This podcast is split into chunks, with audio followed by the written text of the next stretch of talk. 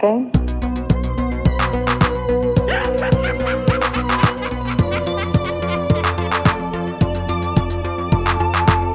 Oh, Hal, do you read me? Do you read me, Hal? Affirmative, Dave. I read you. Welkom bij alweer een nieuwe aflevering van Gremlins Strike Back. Alweer de vierde, denk ik. Allee, alweer niet, reeds de vierde. Ehm, we zijn hier nog altijd met Maarten Melon en Sven de Ridder. Hallo. Hallo. Ik ben weer heel blij dat ik bij jullie ben. Ja. Ehm, eerst en vooral nog wat praktische dingen. Eh, vergeet ons niet te volgen en te tweeten en te facebooken en te instagrammen. Eh, als jullie Gremlin Strike Back intypen in alle bekende social media, dan vind je ons wel. En als jullie willen mailen, mag dat altijd naar gremlinstrikeback.gmail.com. Ehm klachtenmails en eh, niet-klachtenmails, alles is welkom. Zoals ook we enkele klachtenmails gekregen hebben over het geluid van Maarten Melon, zijn geluidsinstallatie. We zijn onszelf van bewust dat het een probleem is, maar een echt probleem is het niet, want het- het- het- uiteindelijk zijn we maar bezig met een podcast maken. Maar we zijn er ons van bewust en we proberen zo best mogelijke kwaliteit te leveren. Maar eh, we gaan ook geen proefafleveringen opnemen, want alles zit vol interessante weetjes. Dus eh, mindere kwaliteit, maar meer info. Ehm, Oh, dat is een goeie. Ja. Eh, het is even geleden precies. Hè. We zijn ook iets Ja. later online, normaal gezien. Ja, iets langer dan twee weken. Ja, ehm, het voelt langer aan, maar ik weet niet hoe dat komt. Maar ehm, ja, veel films Dat- gezien.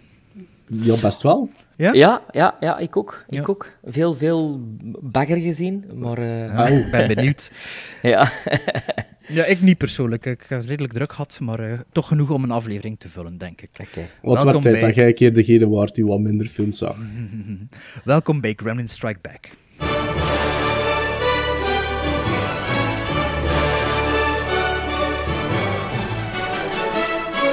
The Oscar goes to. Gremlins Strike Back. We zullen het misschien heel even kort hebben over die, de, de Oscars. Eh, want ehm, in eh, aflevering 3 hadden we alle 25 categorieën overlopen en hadden we daar een kleine ehm, ja, weddenschap aan verbonden wie het, eh, het meeste juist zou hebben. En ja, over het algemeen kunnen we zeggen dat zowel eh, Bart en, en, en en Sven het fantastisch goed gedaan hebben, want uiteindelijk hebben we bijna 90% gescoord. Ehm, Alright, alright. Ja, klopt dat? ja, ja, wel 19 juist van de 25 categorieën, dus Ah, dat kan wel tellen. Hè. Maar kun, Eh, kunnen we misschien nog even duidelijk zeggen wat dat er precies de weddenschap was en wat er te winnen viel? Want ik weet niet meer precies wat er afgesproken oh, was. Bart, jij had dat even over dat saupoppenken achter mij, maar ja... eh, Ik, zie het niet zit- meer staan Ah, ondertussen. wel nee, want ik ben volledig ingekapseld. Hè. Eh, ik, eh, het is zoals dat Bart zegt, we proberen iedere keer aan onze techniek te werken, en ik zeker. Dus eh, ik zit nu in plaats van een ruimte op 4 op 5, zit ik op... In een discobal. wel zoiets, Ja, ja, precies zoiets. zoiets. Zeg maar, de Oscarshow zelf, ik heb, ik heb gekeken live en eh, ik moet zeggen, het ging aan een tempo ongelooflijk tegen andere jaren. Ja? Ik denk zelfs dat het een half uur vroeger gedaan was. Ehm, waarom? Eh, alle elementjes van, van, van show waren er een beetje uitgehaald op het overactende Lady Gaga nummer na. Ehm, maar David het ging... Bowie was dat toch, hè? Was dat David Eh, Bowie? ja. Ja?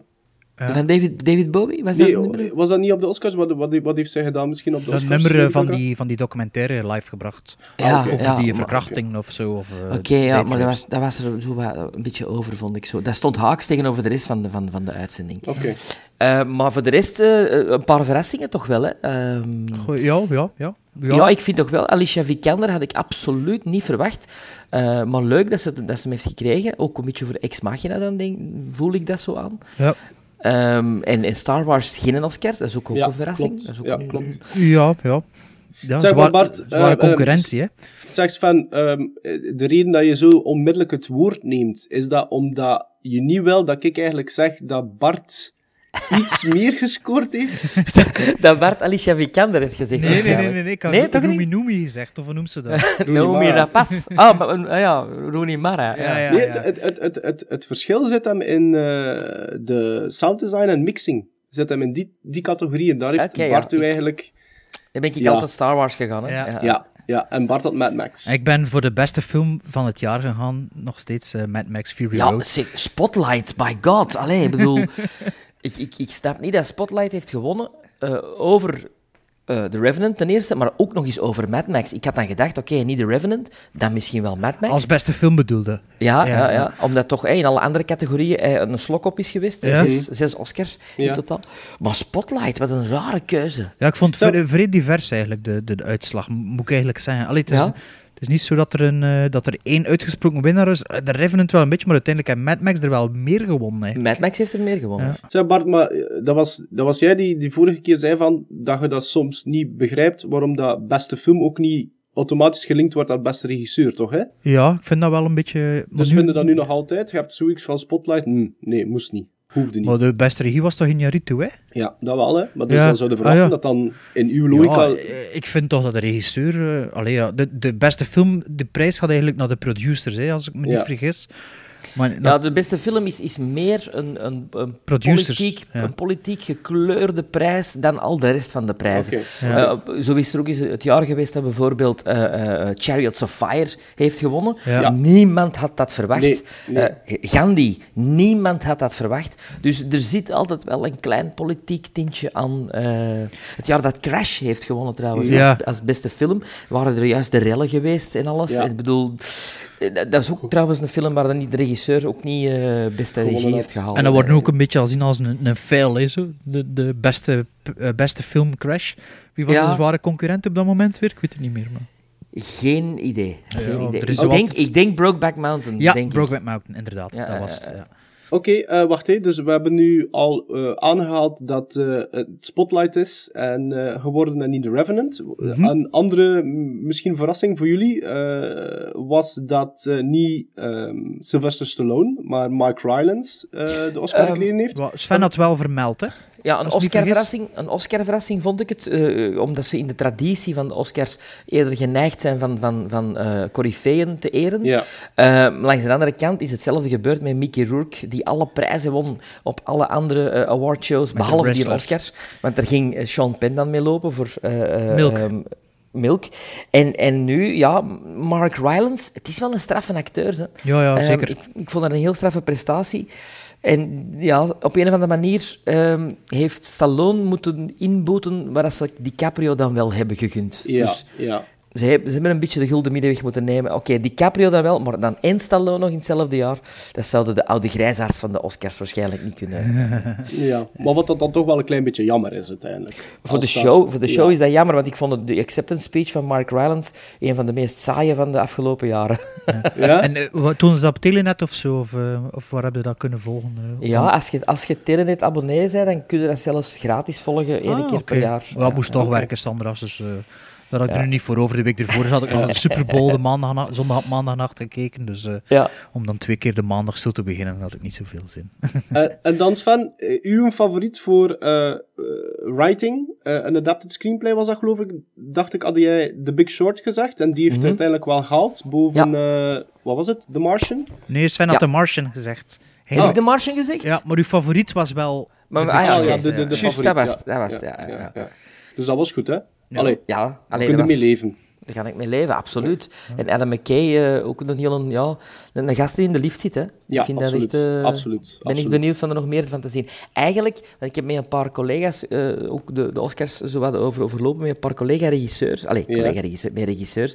En die, er zijn er heel veel die zeiden van dat Adam McKay hem eigenlijk als beste regisseur ook had moeten winnen. Omdat inderdaad, als je Echt? terugkijkt op The Big Short, die is wel heel inventief geregisseerd. Hè. Volgens Ja. mij is het wel een film die gaat beter worden met de volgende viewing Ja, eigenlijk. Omdat dat- absoluut. omdat de eerste keer dat je hem ziet, is het wel complex van inhoud. Allee, het is complex en het is niet complex. Het is een beetje zoals Moneyball, vind ik. Ja. Een complexe materie dat je niet veel over weet, maar dat je toch het verhaal snapt. En ik denk een keer dat je weet van, oké, moet dat niet allemaal proberen te snappen, dat je nog meer van het verhaal kunt genieten. Ja, het heeft dan misschien nodig van nog een keer een tweede keer te kijken. Ja, dan. Ik denk het ja. wel, ja. Ja, oké. oké. En dan DiCaprio, ja, dat is, dat is oververdiend. Hè. Ik bedoel, niet alleen voor deze film, maar eh, allee, misschien het minst voor deze film. Alhoewel hij heel veel heeft afgezien. En ik denk een acteur die heel veel afziet, heeft ook veel meer kans om een Oscar te winnen. Ja. Maar wat, wat een presence, wat een charisma, wat een emotieloze eh, speech ook. Ik denk dat hij echt heel, 23 jaar geoefend heeft op die speech. en, en, en zonder één bibber, zonder één traan, zonder... Echt goed. De politieke boodschap die erin zit, ja, oké, eh, moet dat met een Oscar-uitreiking? Blijkbaar wel. Eh, maar ik vond dat toch wel heel, heel tof om hem te zien winnen. Oké. Ik moet eerlijk zijn, ik heb eigenlijk niets van beelden gezien ervan. Ik heb het zo gevolgd online.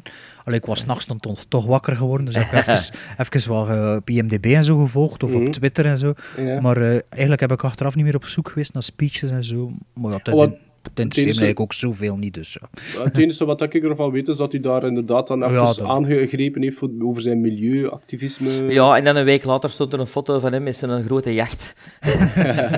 Zo'n Maar dat ze van zeggen een zeiljacht. ja, nee, nee, nee, toch niet.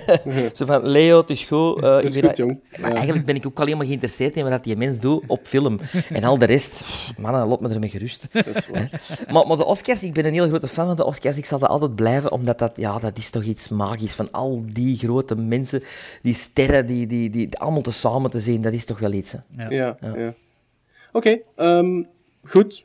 Oscars zijn gedaan, hè, jongens. Eh, Ja, weer een jaar jaartje wachten. Ja. En ik heb al, ik heb al Kanshebbers Een- gezien? Ja, nee, niet gezien, maar wel gehoord en gelezen dat nu al een, eh, iemand een, een zware claim eh, dreigt te, te, te, te, te maken op de Best Supporting Actor van volgend jaar. Hardcore Namelijk- Henry. Nee, onze goede vriend John Goodman. Ah, met uh, Ten wacht, eh, Cloverfield Ten Lane. Cloverfield Lane. Ja, krijgt ongelooflijke Ja, reviews. Ik zie, Eh, ik zie ook constant dingen passeren. Ik heb nog niets geklikt. Woensdag zit ik in de zaal. Eh, Ja, ik, dus John, John moet Goodman zien, schijnt de prestatie van zijn leven neer te zetten. En ook, waarom heeft die man nog nooit een nominatie gekregen? ja. Dat is toch onwaarschijnlijk, wat dat hij allemaal al gedaan heeft. Dus Ja. ik bedoel, dat is al... Het is natuurlijk early, maar het is, mm, ze kunnen hem toch onthouden, denk ik. Maar ik ga toch, je moet me dan toch een keer uw links doorgeven, want ik lees mixed reviews over Ten Cloverfield Lane. Over de film, maar over Ja. zijn prestatie, Ah, bedoel oké. Ja, ja, zijn, zijn prestatie... Hij, hij draagt de film ook, Ja. naar, naar het schijnt. eh, Ja. bedoel, dus het is... eh, ja, ja. En een trailer is hem al heel goed, maar Bart ziet geen trailers. Hè. Nee, nee. Vol spanning aan het wachten. Nee, maar ik kan woensdag gaan. eh, of dat- allee, ik begin echt eh, benieuwd te worden naar die film. Ook al omdat de, de marketing is zo een nul marketing geweest. En dat, Mm. dat marcheert ook blijkbaar. Dus dat Ja. is interessant. Ja. Oké jongens, op eh, naar het volgende, op naar eh, onze Stockholm-syndroom. You know something, people? You're gonna be remembered the rest of your lives for the day you got held up and kidnapped. Victims of Stockholm Syndrome develop compassion and loyalty towards their captors. Never say no to a hostage taker. It's in the manual. Oké, eh, Stockholm Syndrome, ehm, wat houdt dat in? Eigenlijk gijzelen we onszelf ehm, eh, en dragen we ofwel eh, ieder van ons iemand anders op, ofwel doen we het allemaal gezamenlijk, kijken we naar films die we nog niet gezien hebben. Ehm, dat kan letterlijk een titel zijn, of vorige week hebben we het eigenlijk, allee, vorige aflevering moet ik zeggen, hebben we het iets algemener ge- ge- gedaan en hebben we eigenlijk één persoon gekozen, namelijk Mel Brooks. En daar moesten we ieder voor ons op zoek gaan naar een film die hij geregisseerd heeft, of waarin dat hij acteert, die we nog niet gezien hadden. En die gingen we bekijken en nu bespreken. Maar eh, Sven, denk ik, is de geknipte man om Mel Brooks even te kaderen. The shark. Tonight we talk on the shark. The shark, contrary to popular belief, will never harm you. The shark is a benign creature of the deep. Of course, if you do thrash about in the water, you will attract the shark's attention. And he might get nervous. Also, if you're bleeding in the water, if you cut yourself or you wear shiny objects, you do make the shark nervous. Sometimes the shark will kill you for fun. Ik ben al heel mijn leven een grote fan van Mel Brooks. Ehm, eigenlijk is mijn, mijn, mijn, mijn, mijn eh, keuze om acteur te worden eh, ook eh, gekomen door een Mel Brooks film. Ehm, ik, was, ja, ik was een jaar of tien en ik zag toen eh Young Frankenstein in de cinema samen met mijn zus. Ja. En toen vroeger in de cinema konden nog binnenlopen, minder in de film, en dan blijven zitten voor een volgende keer. En wij kwamen dus te laat in de film. En dat was in zwart-wit en dat was... Dat was eh, een horrorfilm, maar ook geen horrorfilm. En dat was een comedy, maar ook geen comedy. En ik vond dat heel fascinerend. En ik heb mijn zus gevraagd van, kunnen we die nog eens zien? En dan zijn we eigenlijk blijven zitten en nog eens gezien. En die film heeft mij doen beseffen van, ja, dat wil ik doen. En dan ook die perfecte combinatie tussen, tussen horror en comedy. Ja. Dus Mel Brooks heb ik dan daarna verder leren kennen. eh, als zijnde een schrijver, een regisseur, een producer. Ehm, Maar ook als acteur in, in verschillende van zijn eigen films. Eh, hij had ook altijd eh, iets met musical, want in, in veel van zijn films zitten muzikale nummers. eh, wat hem ook een beetje apart maakt binnen, binnen heel het comedy-circuit. hij is begonnen samen met onder andere een, heel jonge Woody Allen als, als tekstschrijver voor comedy-shows. Heeft jaren ook een radioshow gehad en een live performance, de 100 of one, 100.000 Year Old Man, waarin hij dus vragen kreeg eh, van eh Karl Reiner, de vader van Rob Reiner, die hem als interviewer vragen stelde. En hij was eigenlijk een soort van ehm, ja, Neandertaler met verstand, die dus antwoordde van hoe het was in zijn tijd. Een, een hilari- hilarisch iets. Er bestaan fragmenten van op YouTube, moet je zeker eens zien. Ah, ja, zal eens bezien. Dus Mel Brooks is voor mij een, een, een held. En ik had één film van Mel Brooks nog niet gezien. En dit was de ultieme kans om die natuurlijk te zien. Ah. En die heeft- mag ik het zeggen? Of, of, of begint iemand anders met zijn film? Nee, doe maar, doe maar. Ja? The Twelve Chairs. Ik zelf ook nog niet gezien. Nee, ik ook niet. En ik zou, maar als ik nu niet met Mel Brooks bezig geweest sinds de laatste aflevering, zou het me ook niets zeggen eigenlijk. Het Eh, is ook de minst gekende Mel Brooks film, denk ik, want hij is van eh, 1970. Ja. Ehm, Mel Brooks eh, heeft, is gedebu- heeft gedebuteerd als filmmaker met de Producers in 67.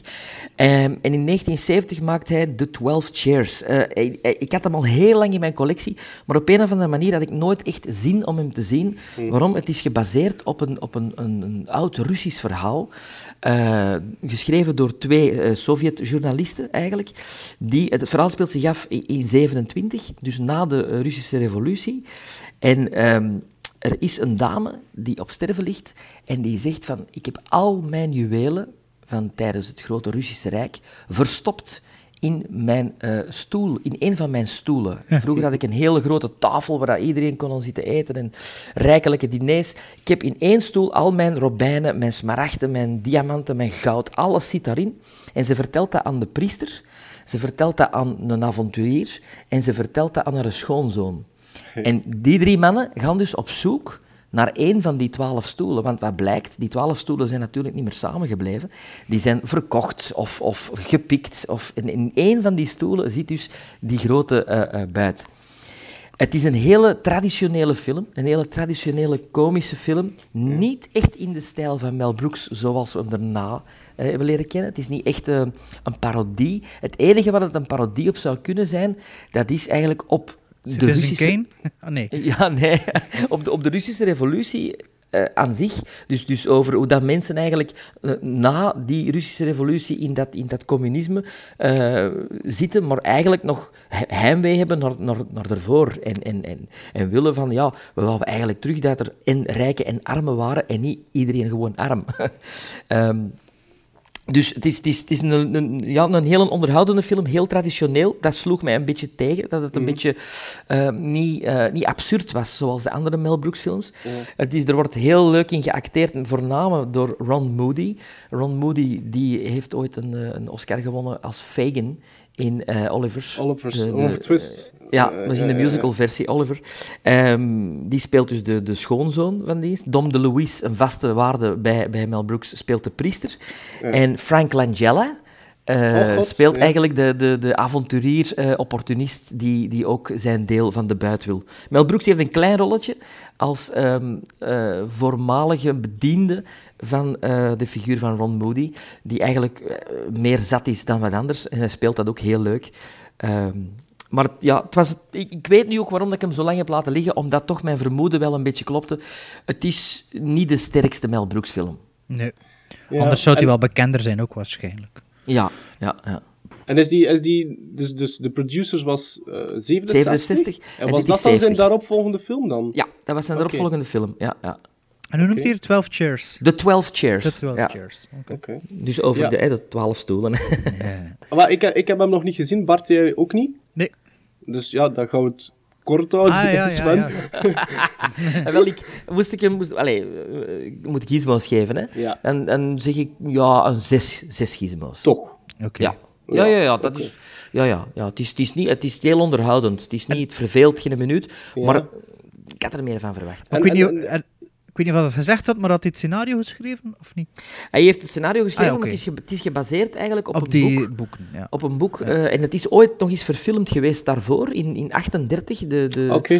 en, en hij wou dus eigenlijk met deze film, de, de reden waarom dat hij deze film heeft gemaakt, een beetje aangemoedigd door zijn vrouw, actrice Anne Bancroft. Mm. Ehm, omdat Mel Brooks is ook van Joods-Russische afkomst. Hij heet Ja. eigenlijk Melvin Kaminski. Eh, en zij zei van, ja, verfilm dat verhaal en, en meer naar de boek, want de eerste verfilming was eigenlijk niet, niet zo waarheidsgetrouw. Dus eh, hij heeft het... Gedaan voor zo- zijn vrouw. Eigenlijk wel, ja.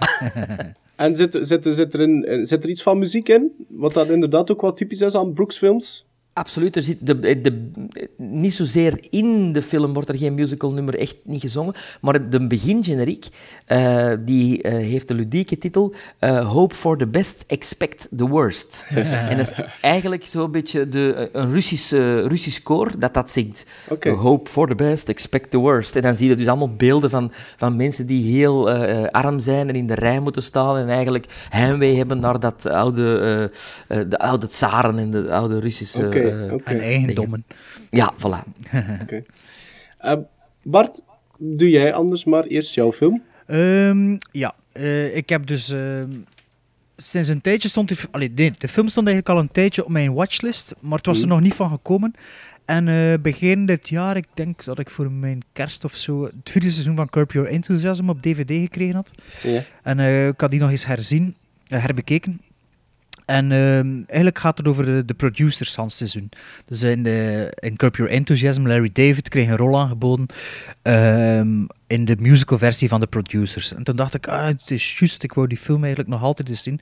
Dus ik ben eigenlijk gegaan voor eh, Mel Brooks zijn filmregiedebuut, The Producers, een klassieker. Een klassieker, absoluut. Ehm, die ik nog niet gezien had. Dus ehm, ik heb me eraan gewaagd. Ik ben op zoek gegaan in de bibliotheek. Ze hadden hem, maar ik, hij moest uit het archief komen. Dus het is niet zo'n populaire film tegenwoordig, Amai. blijkbaar. Eh, ja, dus die hadden die even eh, backstage moeten gaan zoeken. Eh, het is ja, dus is dus, dus, dus niet de, de, de nieuwe versie. Nee, nee, nee, nee, nee, nee, nee, nee. Die zal er misschien wel tussen gestaan hebben, Ja. dat weet ik niet. Wat, wat is dat, die nieuwe versie? Is dat met, met Matthew Broderick? Matthew Broderick en Ja, Nathan. Lane en Will Ferrell. En daar is eigenlijk een musical op, Ja. op, eh, Ja. op, de, op de scène van gemaakt. En dan is die film gemaakt. Ja. Oké. Ehm, maar de producers van 67, mijn mening, is veel beter dan de nieuwe Fantastische film, vind Ja, ik. ja, eh, ja. ja. Maar ja, dus het is eh, zijn debuut met ehm, in de hoofdrol... Ik ga even moeten spieken, hè. Zero Mostel. Zero Mostel en Gene Wilder. Gene Wilder, ja. Gene Wilder heeft blijkbaar een Oscar-nominatie gekregen voor die film. Als eh, beste mannelijke bijrol. Eh, en voor de producers was hij eigenlijk nog maar één keer op het grote scherm te zien geweest in eh, eh, Bonnie en Clyde, als ik me niet vergis. Eh, Ja. In een bijrolletje. Dus eigenlijk was dat een beetje zijn, eh, zijn introducing eh, role. En Mhm. eh, direct een Oscar-nominatie. Ehm, ik zal even eh, de synopsis vertellen. Dus het gaat eigenlijk over een, Joodse eh, Broadway-producer die... ehm, ja, dat is niet echt duidelijk voor mij. Bezoek krijgt van een boekhouder. Dat die ja, dus hij werkt via een boekhoudersbedrijf of zo. Eh gespeeld door Gene Wilder, ehm, een zekere Bloom, Leo Bloom of zo, dacht ik. Ja. Ehm, Zero Mortel, of hoe noemt hij? Zero Mostel. Bostel, eh, Ja. die speelt eh, Ma- Max B- Bialystok. Bialystok. Bialystok. Ja. Eh, dus de, Max Bialystok is dus de, de producer van Broadway. Eh Gene Wilder, zijn personage, is de boekhouder van dienst. Die eigenlijk over de vloer komt en zijn boekhouding begint te doorspitten. En ontdekt dat hij eigenlijk eh, enkel maar flops maakt. Maar vindt daar een of andere hiaat in het systeem. Waardoor hij eigenlijk eh, ziet dat als je een flop produceert, dat je een... dat je eigenlijk geld kunt verdienen zonder dat de RIS, eh, eh, of hoe heet dat in Amerika? RIS, dat is... eh, dat is dat is- belastingen dus. De belastingen, ja. Dat, eh, dat te weten komt en, en zo. En ehm, ja, dus het was de eerste keer dat ik de film gezien heb. Ehm, ja, ik was eigenlijk wel aangenaam verrast. Eh, vooral ook omdat ik eigenlijk ontdekt heb, omdat ik eh dus Curb Your Enthusiasm voor de film gezien heb, dat eigenlijk de laatste aflevering van het seizoen een volledige spoof is op de producer zelf. Dus alles dat gebeurt in de aflevering, gebeurt eigenlijk ook in de producers. Dus eigenlijk had het al gezien. Ja, ja, ja, maar dat had ik pas door tegen het einde Ja, natuurlijk. ja. Maar ik dacht eigenlijk ook, en blijkbaar waarschijnlijk door de remake, dat, dat, een mu- dat de producer zelf ook een musical was. Dus ik wist dat dat een musical Nee. was op Broadway. En ja, om een of andere reden dacht ik dat Hans de film ook een musical was. Maar daar ben ik eh, wel blijkbaar eh, verkeerd eh, ingelicht. Ehm, Nu, ik, ik vond de producers van, alleen een ongelooflijke film die je kunt blijven bekijken. Ik vind dat Ja. ook een... een eh, hij zit niet in mijn top 3 van, van eh, Mel Brooks, maar ik vind het wel alleen een, een hele sterke vier. Ja, ja goed debuut ook. hè. Hij heeft ook een Oscar gewonnen voor beste originele Best screenplay. scenario, ja. Allee, of hoe dat, dat toen ook in de tijd heette. Ehm moet wel zeggen, ik heb niet zoveel luid op moeten lachen. Veel meer gniffelen. Behalve met de auditie, de open auditie van, de, de- van Hitler. Daar heb Absurd, ik hè? echt, daar heb ik Absurd. echt hard moeten lachen. Je moet het maar durven in Ja, 67. ja, ja. Hè? Ik bedoel, 22 jaar, amper 22 jaar na het einde van de Tweede Wereldoorlog, om daar een parodie op Hitler, Ja. dat kun je alleen als Jood. Ja, ja, ja, gaat- dat, dat kon niet anders. dat Nog niet altijd waarschijnlijk. Ja, je maar dat daar is misschien toch- ook alleen maar mee weg als Jood. Ik weet het, maar toch is het ongelooflijk gedurfd in die Ja. periode, denk ik. Misschien gewoon even visueel voorstellen voor onze luisteraars. Dus tijdens die auditie zien we plots op de planken pakt 50 mannelijke acteurs staan en die rangen van heel dun naar heel corpulent. En die staan daar allemaal met een haar in de brillantine en een Hitler-kapselke met het Hitler-snorretje, snorretje, allemaal Sieg Heil en de daarbij horende armbeweging te doen. Het is het- absurd Ja, gewoon. en de helft absurd. komt voor het musical gedeelte en de helft voor het acteergedeelte, Ja, volgens mij, ja, als ik me niet ja, vergis. Ja. maar ik vind wel Springtime for Hitler, het is wel een hitje zo. Allee, ja, het is, Ja, het is nu niet voor, hangen, u, voor u in uw auto met uw raam naar beneden door de stad te gaan rijden, zo, maar ja, het is wel een catchy nummer. Maar Het- ik ken dat dus ook al van, eh, van Larry David, eh, van In Curb Your Enthusiasm. Ja, ja. Ehm, ik vind ook, ehm, met, dat was eigenlijk de eerste Mel Brooks film die ik gezien heb sinds, ehm, sinds dat ik een Marx Brothers films gezien heb. Ja. En ik vind dat, dat de invloed van een Marx Brothers op een of andere manier toch wel eh, Enorm. in, in zit. En Enorm. de, allee, Ja. ook de, de, de- wat dat een, een van de typische dingen van de Marx Brothers, de woordspeling en de, Ja. het naast elkaar spreken en toch Ja. ondertussen woordspeling doen, dat, dat viel me nu echt op en dacht ik, godverdomme, dat Ja. heb ik wel langs nog gezien. En, eh, ja. Er zitten ook verschillende scènes in de 12 Chairs eh, die zo echt zo dialooggewijs al een tempo gaan en dat ze echt eigenlijk antwoorden en niet antwoorden op elkaar en dat is, ja, dat is een, eh, Maar dat is een een invloed soort van, van- de Marx Brothers. Ja, En- dat is een soort van trademark geworden van Brooks ook. Hè. Eh, je Ja, ja, ziet ja. Dat, Je ziet dat zelfs tot in een Young Frankenstein, je ziet dat tot in, eh, History of the World ook. ja, ja, ja. Robin, in Robin Hood, Men, Men in Tights, zie je dat ook Ja, nog altijd. Ja, eh. ja. En, en, maar je ziet dus ook de, de, de invloed van de film zelf. Nu de huidige comedy ook nog altijd een beetje, zoals wanneer dat, eh, dat Gene Wilder en Max Brzezinski eh elkaar eh, te lijf gaan in zijn bureau. Zo in het begin van de film, dat, Ja. dat, dat, dat komt letterlijk in Borat terug ook. Wanneer dat Borat en zijn, zijn dikke manager De eh, dikke de- ja, na- ja, ja. naakt aan het worstelen zijn en zo. Dus dat dacht ik ook van, ah, daar hebben ze de mosterd gehaald. eh. Ja. Dus ja. Maar dat is goed, hè? de- de generaties blijven elkaar beïnvloeden. Hè? Ja, Dus ja, dat is- ja, tuurlijk. Com- hè. op, op comedygebied is dat, is dat heel, heel vaak. eh, dat Ja. je teruggrijpt naar de basis en dat je dan zegt, ah, dat komt daarvan en dat komt daarvan. Dus dat is, ja. Ja, maar ik vond, ik vond wel, als je de film zag, merkte wel dat Mel Brooks, je wist wel wat er leefde in New York. Ehm, want in de film ook, dus wat- 67 is de film, Ja. er, er komt SM komt ter sprake, er zijn travestieten, ja. Dus LSD. LSD, ja, en ook Campbell soep en bananen, dus Andy Warhol. Ja. En allee, je voelt wel een beetje het, het, het, het, het, ehm, het underground gevoel van New York zit toch een beetje in die film zo. En dat, allee, dat, waarschijnlijk in die tijd voelt dat misschien zo niet op, maar achteraf Ja, gezien... maar ik denk ook dat de film een, een, een vrij independent film was, dat er geen grote studio achter zat. Ah ja, dat kan wel zijn, ja. Maar ik vind, allee, ik denk dat dat in de tijd niet zo opviel, maar nu in hindsight valt het wel op dat, Ja. dat er veel van die gr- grouchy, underground New York dingen in de film ook gestopen zijn. Mhm. Maar zoals ik dus zei, ben wel fan. En, eh, Daar ben ik heel blij voor, Bart. Ja. Dat is, eh, dat is alleen maar meer eh kudos voor Mel Brooks. ja, ehm, maar inderdaad ook niet zijn top 3 voor mij. Eh, ik zou het ook een beetje schijnheilig vinden voor hem plots in mijn top 3 te vinden, te zetten, terzij dat ik er echt omver van geblazen was. Dus Mhm. eh, ik geef eh, 6,5 gizmos. Mhm. Oké. Nou, ik zou voor de producers zeven gizmos geven. Ah, wel, ik, zou hem, ik zou hem ook 7 quoteren. Ja, ja dan, dan resteert alleen nog mijn film. En, en ik weet nog dat we zo'n beetje nerveus waren dat we misschien overlappingen zouden hebben bij Mel Brooks. Dat we misschien... Wat eh, nerveus, hoor. Wel nerveus. Maar het is dan natuurlijk altijd wel fijner als we drie verschillende films kunnen hebben. En dat is ook het geval nu, want eh, ik heb gekozen voor Silent Movie. Oeh, Eh, oké. Een, een film uit eh 76. Ehm, en eigenlijk ook eentje dat ik nog niet gezien had, natuurlijk. En eh, er waren er wel een paar, maar ik heb specifiek voor Silent Movie ge- gekozen, omdat ik wel heel grote fan ben ook van Marty Feldman, Mhm. die in eh, Silent Movie zit. En Marty Feldman Eh, als je die niet kent, zoek die even op. image search via Google. Die heeft een heel specifiek gelaat. De Ehm, grootste ogen ever. ja, die heeft wat uitpuilende ogen. En dat komt, ik heb dat opgezocht. Dat, blijkbaar had hij een, een schildklierziekte. En hij moest daar op, de, op een of andere moment voor geopereerd worden. Maar die operatie is verkeerd gelopen. En dat was eigenlijk een resultaat daarvan. Dus blijkbaar is hij daar niet mee geboren, met die ogen. Ja, maar hij heeft ook zo van die dus chameleonachtige Er- ogen. Hè? Ik heb die ook ver- Ja. verschillende bewegingen laten doen, Ja. apart van elkaar. Ja, ja, ja, ja. Maar die, die man is ja, he- heel vroeg gestorven. Die is op 48-jarige leeftijd is die al gestorven.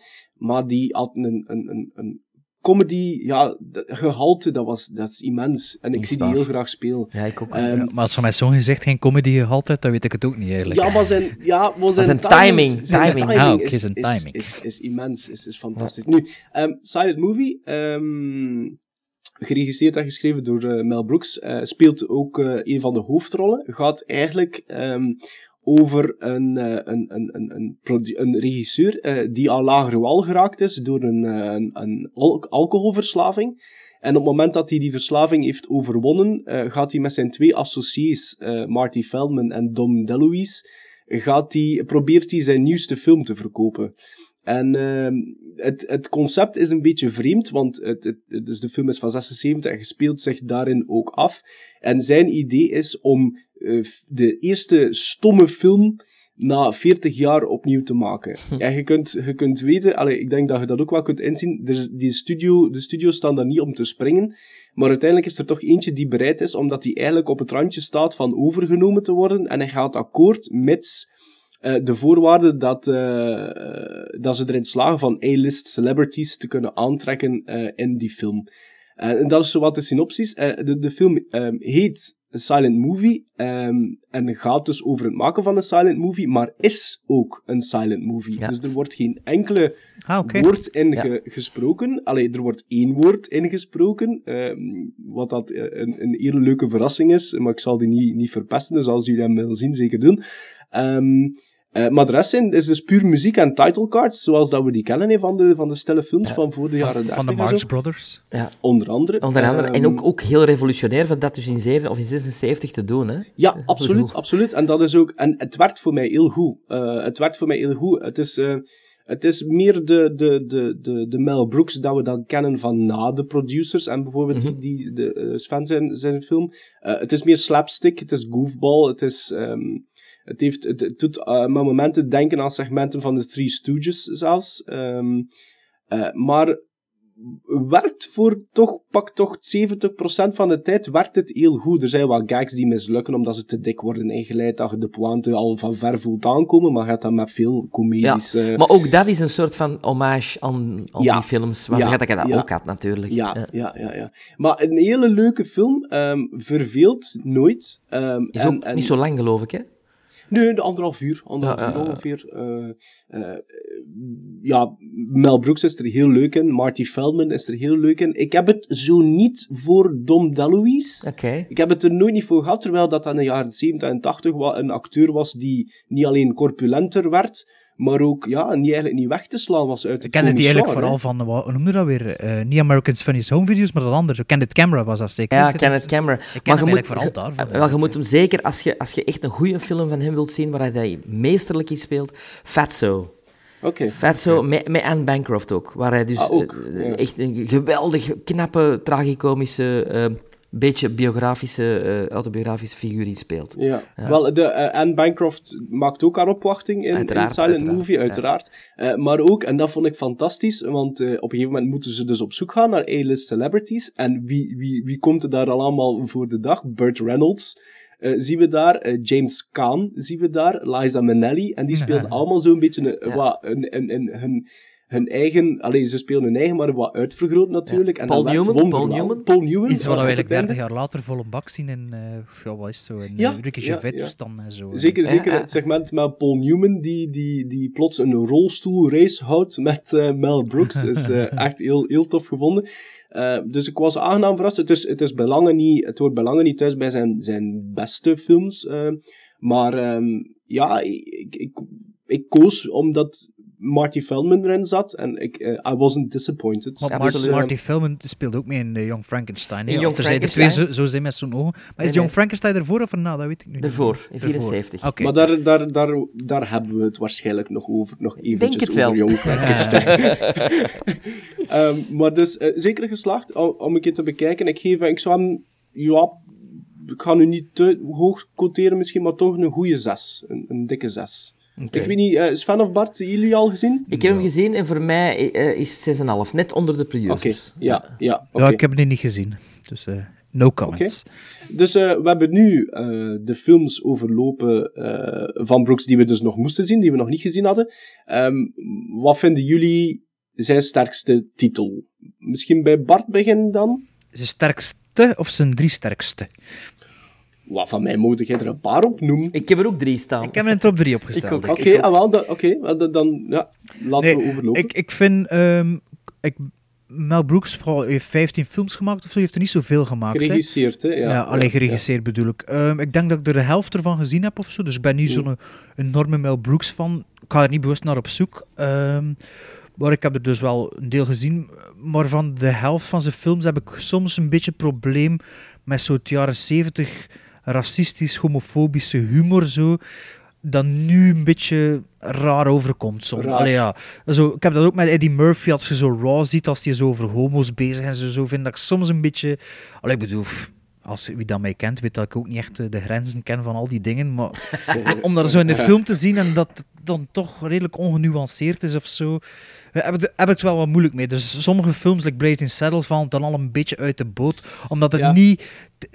Het is niet maatschappijkritisch genoeg of ironisch genoeg of tongue-in-cheek genoeg om toch... Allee, je voelt nog altijd van waar dat een beetje komt zo. Niet dat Mel Ja. Brooks zo is, hè, dat was gewoon de tijdsgeest een beetje. Mhm. Maar ehm, mijn drie favoriete films zijn wel drie films waar ik een, ehm, een nostalgische band mee heb eigenlijk. Ehm, mijn, derde mijn derde favoriet is eigenlijk op die plaats, omdat ik hem toen dat hij uitkwam gezien heb en daar heb ik heel hard mee moeten lachen. En denk dat als ik die nu zie, dat hij wel nog altijd grappig is, maar niet meer zo. En ik was ook grote fan van Robin Hood met eh, Kevin Costner, omdat Ja. ik, dat, dat ik er met mijn ouders mee naar de, eh, met mijn ouders mee naar de zaal gaan kijken ben. Een van de eerste keer dat ik me herinner dat we zo met drie eh, naar de film gingen. Op een zaterdagavond. Dus mijn derde favoriete is Robin Hood, Man in Tights. Met alle onzin van die die in die film eh, voorkomt. Maar het is wel twintig jaar geleden of langer dat ik hem nog gezien heb. Dus ik weet niet. eh. Ehm, moet ik ze alle drie van de eerste keer doen? Of, Maar ik, eh? ik, ik ga even... Ik, ik vond... Ik heb... ehm, voor, voor, voor dit segment heb ik heel veel Mel Brooks. Ik denk dat ik er een stuk of zeven opnieuw bekeken heb, denk ik. Buiten dan Silent Movie die ik nog niet gezien had. En ik vond... Ja, ik vond Men in Tights eigenlijk niet zo goed meer. Ja, dat dacht ik wel. Allee, dat dat niet meer zo... Ja, ik... ik- Hij zit ook niet in mijn top 3. Hè, van Nee. Nee, maar het is, het is dat ik zeg, het is voor mij Ik vooral... vind dat je als Robin. Hood Man in Tights al voelt dat hij op zijn retour is. ja, ja. Zo Want die is uiteindelijk... net Wacht is het... 94, is denk ik. dat 5, 95? Ja, 4, Nee. 95? Ja, Ja. 94 of misschien nog vroeger. Ja. Maar ja, parodieën, parodieën duurde iets langer hè, in die tijd. Want Prince of Thieves, zo is dat, dat is twee, nee, 92 waarschijnlijk? of zo. 92, dacht ik. Ja, twee, Ja. Jaar, twee jaar tussen voor een parodie Ja. is eigenlijk lang Ja. tegenwoordig. Ja. Maar nu, toen zal dat wel nog zo geweest zijn, denk ik. ja. Zit Ja, ik niet- het, ik, ja, ik, vind, ik vind hem ook niet... Hij zit ook... ik- ja, zelfs, ik denk, denk zelfs moest ik een top 5 maken, No. dan Nee. zou hij misschien op 5, maar ik Nee, durf dat- het betwijfelen. bij Ja, maar ik denk, denk moest ik hem nog on- onlangs gezien hebben, dat hij er niet Ja, zo in staat. ja. Maar het is hier de nostalgie dat telt Ja, Dat is, ja. vind ik, een must in het programma. Ja, want er was echt zo'n zo'n zo'n zo'n film die we, die we gingen gaan huren zo met, met wat maten, elk 20 frank samenleggen om een film te kunnen huren. En eh, Voilà. ergens En dan die- uur- ja, En dan eerst drie uur in de videotheek rondlopen. Ja, eh, voilà, ja. voilà. En dan, eh, dan nog een zak chips van 6 cent gaan halen met drie man. eh. en dan ja, goed lachen hè, met een Playboy die Ja. in 3D is of in, in, in, in braille en zo van die cijfers. Ja, Dus ja, ja. ja. Maarten, uw, uw derde. Ga, ik moet eerlijk zeggen, ik, ik had eigenlijk... ehm, ik, ik, ik, ik was eigenlijk... Want jullie zijn daar misschien iets minder over te spreken, maar ik, ik quoteer de producers toch iets hoger. Dus voor mij zou hij sowieso in mijn top 3 zitten. Mhm. En dan... ehm, ja, dan zou ik die dan op nummer 3 moeten zetten. Ah, ik denk ja. dat daar al alles over vertaald geweest is. Gewoon de producers, omdat, eh, omdat Bart ook het zei van... eh, eigenlijk de eerste grote rol voor Gene Wilder. En ik heb het voor Gene Wilder. Ik vind dat ehm, een hele toffe acteur. En ik, ja, ik, ik zie die gewoon graag spelen. En... ehm, ja, ik heb hem opnieuw- nog een keer opnieuw bekeken, ook de producers. En ja, ik vind dat die film eigenlijk wel goed in elkaar zit. Het is inderdaad niet eh dijen, be, billen kletsen, maar ik had wel een continu gegniffel. En ik, als je dat al teweeg kunt brengen over een volledige runtime, dan vind ik dat je kunt spreken over een goede komedie. En dus daarom zou ik die op top, eh, allee, mijn nummer drie plaatsen dan. Ja. Wel, mijn nummer drie is een film uit 81, History of the World Part 1. Ja. Ja. Als kind begreep ik niet goed waarom dat er geen part 2 kwam. maar na, na de, de eindtitels zie je dan ook eh, een trailer eh, voor de part Ja. 2. En dan, dan ja, later je dan wel door van, oké, ook dat is een parodie. Eh, de titel op zich is al een parodie. Ik vind dat geweldig, hoe dat hij door al die tijdperken gaat, met, met de een al beter dan de andere.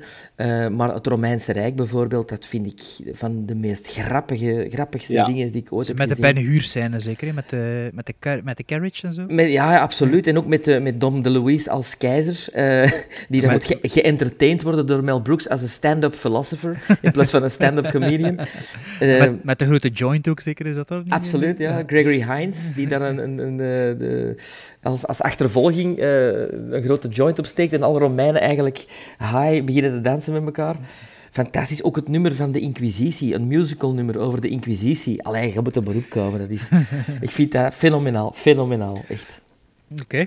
Eh, mijn tweede is eh, simpel gezegd Jong Frankenstein, om de, alle redenen die al aangehaald zijn reeds. En eh, ja, een timeless classic eigenlijk. En eh, Huge Knockers, thank you. eh, ja.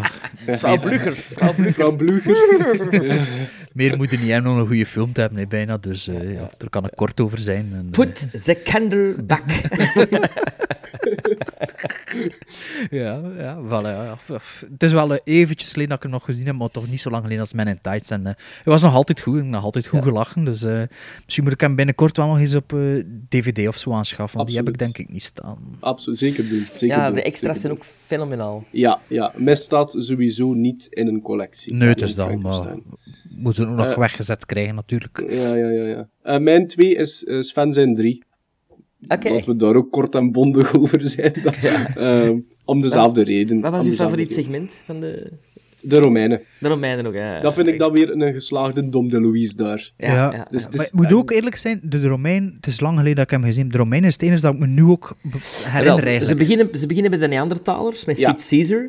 En eigenlijk een beetje de, de parodie op 2001 A Space Odyssey zit er Ah ja, dat is juist. Ja, En ja, ook ja, een, een, beetje de, de kritiek op de filmkritiek, eh filmkritieken zit daarin.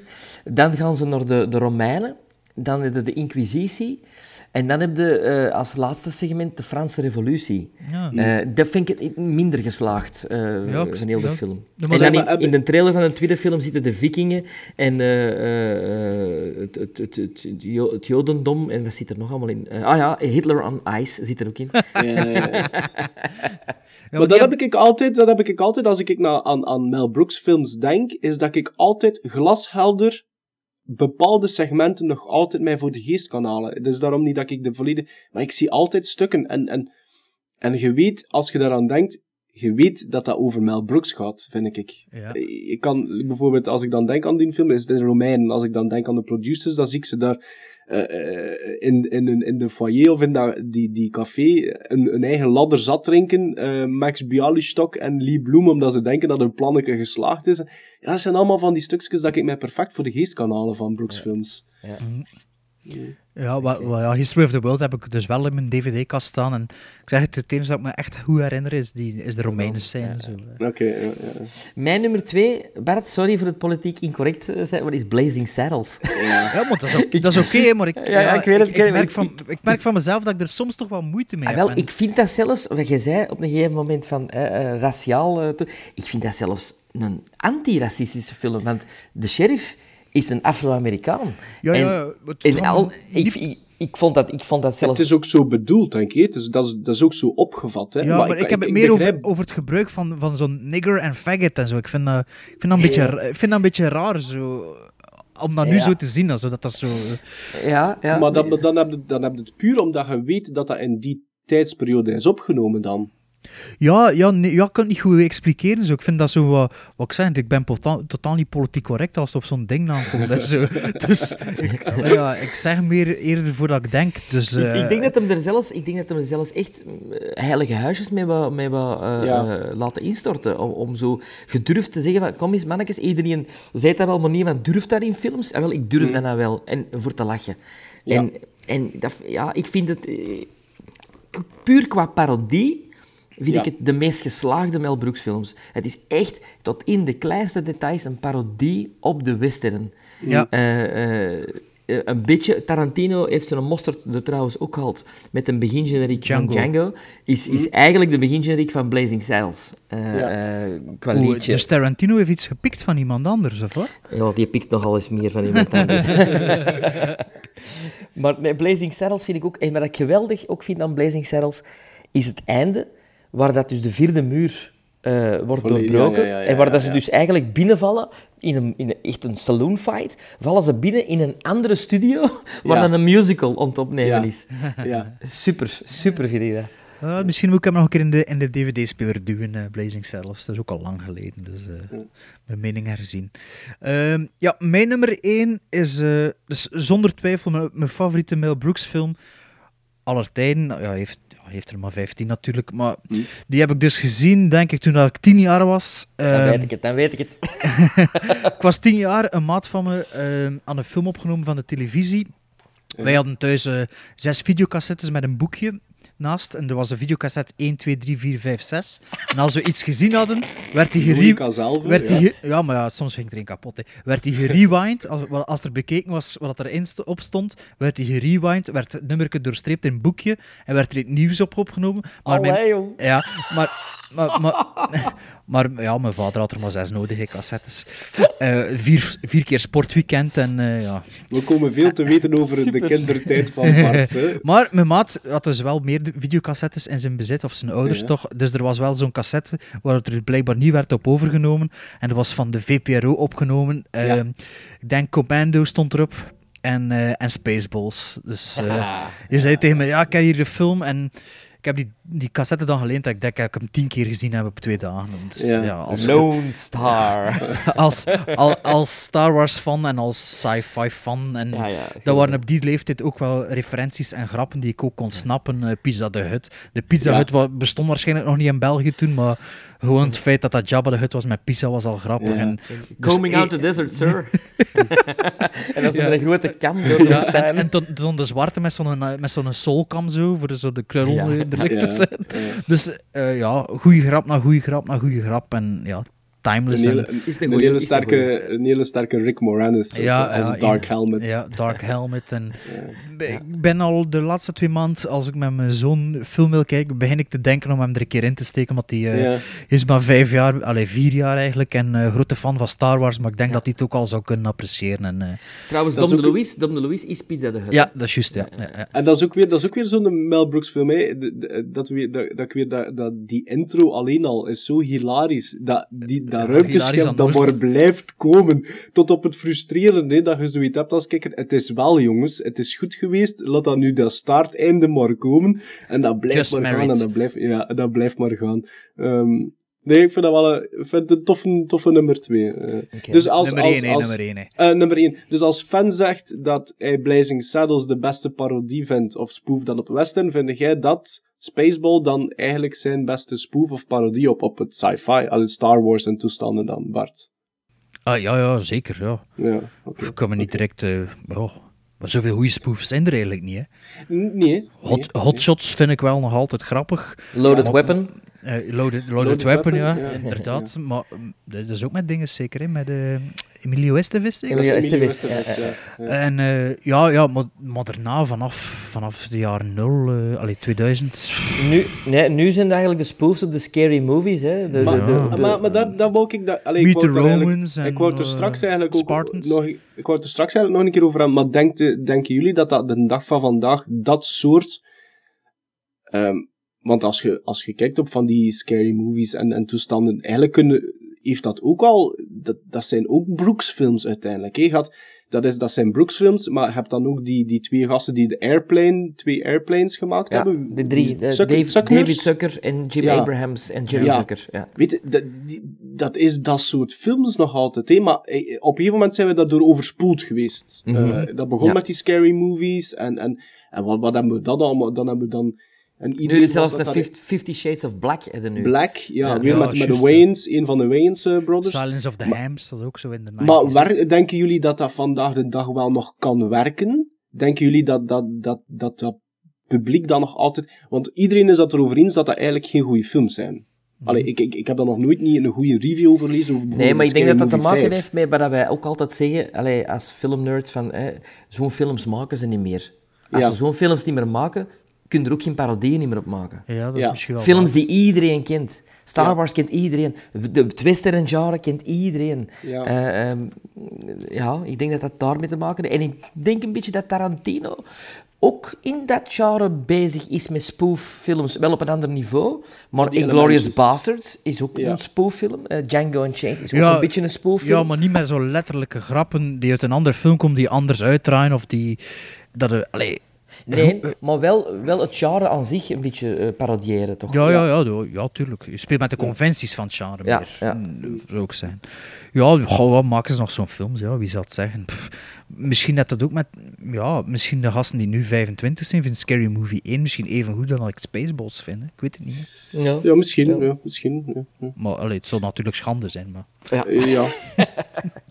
Ehm, eh, mijn nummer 1 is, is, without a doubt, is Young Frankenstein. Ja, wel, ik, ik sluit me daar dus meteen bij aan, Maarten. Ja. Dat is, mij ook ik, ik, nummer één. je hebt opnieuw Marty Feldman, die, ehm, die Igor speelt en die Igor. Eh, je hebt eh, een geweldige Gene Wilder, die eh eh, Frankenstein. Froderick. Eh, Froderick Frankenstein. eh, en voor de, ja, de, de titel verklapt het natuurlijk al een beetje, maar het is, eh, Gene Wilder speelt eigenlijk de kleinzoon van de, de beruchte Victor Frankenstein, en, eh, maar die, die wil niks met zijn eh, grootvader te maken hebben. Het is daarom dat hij ook hem laat aanspreken als zijn Frankenstein en niet Frankenstein. Eh, maar die, die, ja, wel eens snel is, gaat hij naar het kasteel dan uiteindelijk van zijn grootvader, dan komt hij in contact met zijn werk. En is hij daardoor zodanig gefascineerd dat hij natuurlijk ehm, ja, ook zijn monster creëert, hè, met alle gevolgen van dien. Maar ik vind Young Frankenstein, vind ik het samenspel van Wilder, vooral Wilder en Feldman, vind ik, vind ik, ik geweldig. Ik vind Ja. dat, Ook Peter eh, Boyle niet, niet te onderschatten wat Ja, hij daar ja, doet als, als. Als monster. dat, is, dat is grappig. Met, een, met niets eigenlijk. Met alleen maar klanken. En is dat zo grappig. En een hele toffe, een hele toffe eh, parodie ook op eh Bright of was nee, Ja, Frankenstein van nee, van eh, nee, wat ook zit, zit er ook in, maar vooral het stuk met Gene Hackman, Met de, eh, met die de de blind blinde hermiet speelt, vind ik een heel geslaagd iets. Ehm, ja, nee, ik vind Young Frankenstein op zijn heel vind ik een fantastische film. Vind ik echt Hij een heeft- aanrader. Ja, absoluut. En je moet zeker, als je de dvd's ziet, de extra's ziet, Ja. eh, dus zie je ook de opnames in kleur. Ja, waar ja, dat ja. je dus ziet dat Peter Boyle eh, niet groen is, zoals eh, Boris Karloff, maar Mhm. lichtblauw. Omdat Eh, en dat- zwart-wit beter, beter uitkomt Ja, waarschijnlijk. beter. En dat ze toen zei van, ja, maar met dat lichtblauw gaat het meer mimiek kunnen zien eigenlijk dan met dat groen. Dus meer, meer komische uitdrukkingen kunnen maken. En hij heeft Ja. ook verschillende, echt verschillende shots die in de originele Frankenstein en in de Bride of Frankenstein zitten, helemaal gekopieerd. Hè. Zelfs, gekopieerd. zelfs, zelfs ja, bewegingen, camerabewegingen. Ja. Die, dus hij is, het is echt een ode aan, aan, Ja, aan die ja. films. Ah, Ik zeg het, het stukje, het stukje met, met, de, de, de, met Gene Hackman, die daar de blinde hermiet, de, de blinde kluizenaar speelt. En dat is het stukje uit... Dat is, Bright? Ja, want in, Ik denk dat het is in Bright is, Bright. ja, ja. want hij leert hem spreken uiteindelijk in Bright, Ja, hè. ja. Eh, het monster. Ja, hij is, dat is, ik dacht ook even van, ik ben hier naar de verkeerde film aan het kijken, hè. Dat was een exacte kopie. Ja. Maar wat dat hij dan doet, is, is geweldig. Bepaalde sets heeft hem ook eh, hergebruikt Ja. van dus een originele film. Ah ja, dat lag er nog ergens waarschijnlijk. Ja. Ja. Ik vind het ook een, een absolute nummer één. Ik, ik, ik zou zelfs meer zeggen, bij mij staat hem in een top 10 van beste films aller tijden. En ter, ik, vind, ik vind terecht. Ik vind, ik, ja, ik, ik kan die film, ik zou hem maandelijks kunnen bekijken. Ja. En het zou mij nooit niet tegensteken. Nee. Kun je begrijpen dat als je als jongensje dat ziet en je wilt acteur worden, dat je daardoor de Ja. klik maakt? Ja. ja, ja. Ja.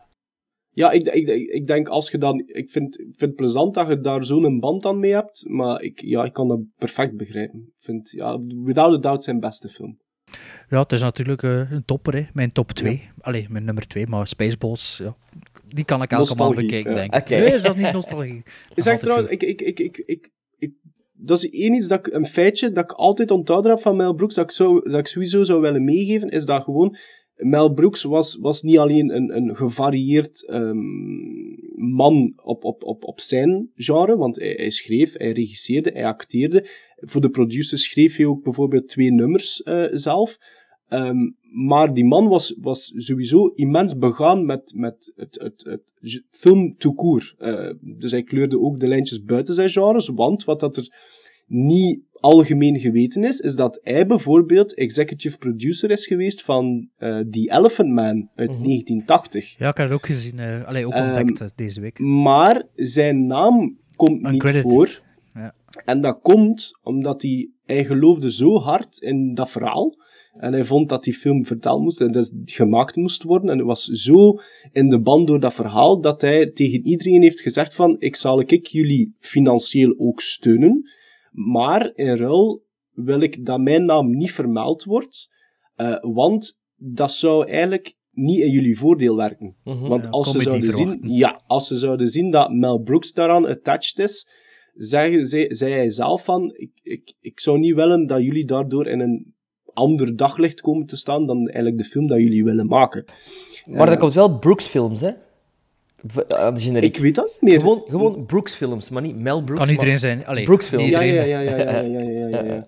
Maar ik, dat is zo'n anekdote, ik ga dat nooit niet vergeten. Ik, allee, ik vind dat ook wel knap van de man. Dat is heel dan genereus, hè? Dat is, Eh, ja, absoluut. Ja, ja. Dus, eh, dus ja, misschien een, een tof eh, eh, wistje datje om dit segment mee af te het, zal, het, sluiten. zal, het zal al anoniem geweest zijn op de aftiteling, maar niet op zijn bankrekening, veronderstel ik. Nee, dat niet. Waarschijnlijk. Now, that brain that you gave me, was it Hans Delbrooks? No. Ah, good. Uh, would you mind telling me whose brain I did put in? And you won't be angry? I will not be angry. Abby someone. Abby someone. Abby who?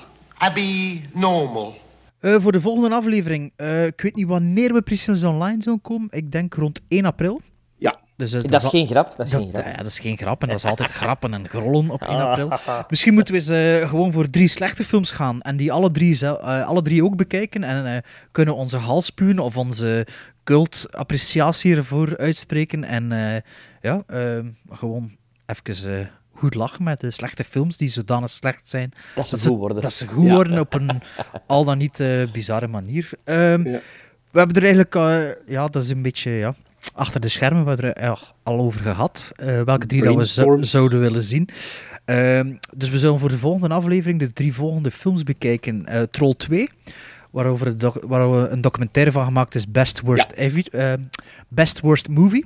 Dus ja, ja. over Fantastische documentaire trouwens, ook een dikke aanrader. Maar eerst Troll 2 eh, bekijken. Ja, Troll 2. Ehm, verder valt er ook goed te lachen met ehm, The Room. De- waar dat er nu een making-of film van gemaakt wordt door eh, James Franco. Allee, dus er is een boek verschenen na, na die film, The Disaster Movie, over hoe slecht dat die film wel niet is en blijkbaar ook gemaakt is. En daar maakt eh, James Franco met zijn uh, compaan, niet Jonah Hill, maar de Jonah andere. Hill. Jonah Hill of Red, Seth Rogen? Eh, Jonah Hill is, heeft hij al vaak mee... Nee, eh, Seth Rogen heeft hij Seth, mee Seth Rogen, hè, ja. Dus met Seth Rogen is momenteel die film over de making-of aan het draaien. Hmm. En eh, als laatste we misschien voor een slechte Vlaamse film gaan. Of potentieel slecht Vlaamse films. Een cultklassieker die blijkbaar heel moeilijk te vinden is. Maar als jullie willen meespelen, perfect op YouTube te vinden is. Is namelijk The Antwerp Killer. Ja, jaren, jaren bijna eh, eh, niet te vinden geweest, omdat dus de maker alle kopies heeft vernietigd of, of laten Zijn, vernietigen. zijn, zijn vader, dat schijnt, dacht ik. Ja, ja, ja, omdat het ook een financiële strop is geweest voor die mens. En dat- eh, wat ik gehoord of gelezen heb, is dat zijn vader eh, zodanig beschaamd was over het eindresultaat, dat hij overal in de buurt van het Antwerpse alle videotheken afgereden is om de video te huren en te vernietigen. Maar ja, wat zal er waar van zijn? Het feit is wel dat hij redelijk onvindbaar is eh, gebleken, dus eh, we zullen eens zien op eh, YouTube wat er allemaal eh, van waar is en wat niet. Hè. Dus, eh, genoeg, om over, uh, genoeg voer om uh, te bespreken, alleszins.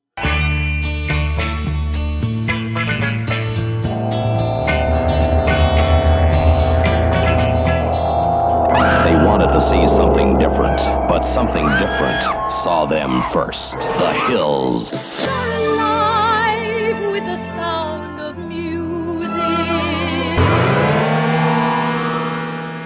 Deze keer in uh, The Hills Are Alive with the Sound of Music ga ik voor een kleine nostalgische film uit 86. Uh, ik heb de film leren kennen op video toen. Ik ben hem gaan huren, omdat de kaft mij enorm aansprak. Uh, we zagen op de kaft een vrouw, helemaal wit geschilderd, met witte haren, blonde haren, witte make-up, maar ook zo van die warpaint uh, op haar gezicht.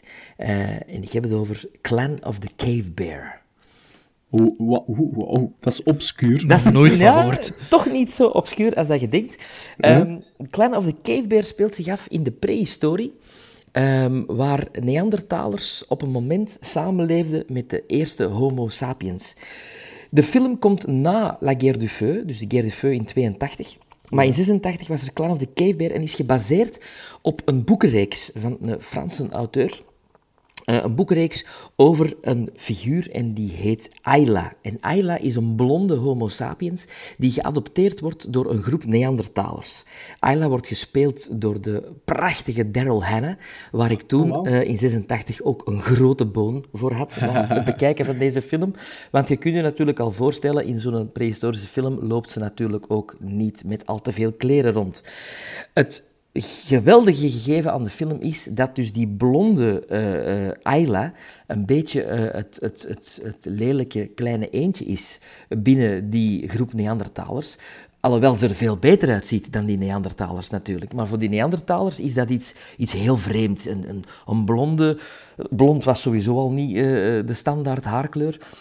En plus, die Ayla is eigenlijk als eerste een beetje een feministe binnen het hele mannelijke jargon van cave dwellers. En zij gaat zelf op jacht, waardoor ze de, heel, de hele klan natuurlijk uh, uh, op stel te zetten. Want een vrouw die gaat jagen, dat was nooit gezien en nooit, dat, kenden ze niet. In de film zit bijna geen dialoog. En de dialoog die erin zit, die wordt zo. En wordt dan Engels vertaald met ondertitels. Geweldig. Um, de film is geregisseerd door Michael Chapman, uh, die ook All the Right Moves met Tom Cruise heeft gemaakt, maar die vooral bekend is als DOP van Taxi Driver, Invasion of the Body Snatchers, Raging Bull, The Lost Boys, Ghostbusters 2, wow. ja. Space Jam. Uh, zijn laatste werk was Bridge to Therabitia in 2007. Ja. Maar die heeft dus ook een paar films geregisseerd, waaronder die Clan of the Cave Bear. Uh, de fotografie is van Jan de Bond. Uh, niet de minste natuurlijk. Het is geschreven door John Sayles, dus de boek is, is uh, bewerkt door John Sayles, die ook Piranha, Alligator, Battle Beyond the Stars en The Howling uh, heeft geschreven. Mm. En de fantastische muziek is van Alan Silvestri, de man achter Back to the Future, Forrest Gump, The Avengers, Predator, The Abyss, Eye, een van mijn favoriete componisten. En hij gebruikt hier ook zijn overbekende jaren 80 synthesizer trucjes om heel die sfeer van die prehistorie tot leven te brengen. Een, een onderschatte film met een waanzinnige soundtrack.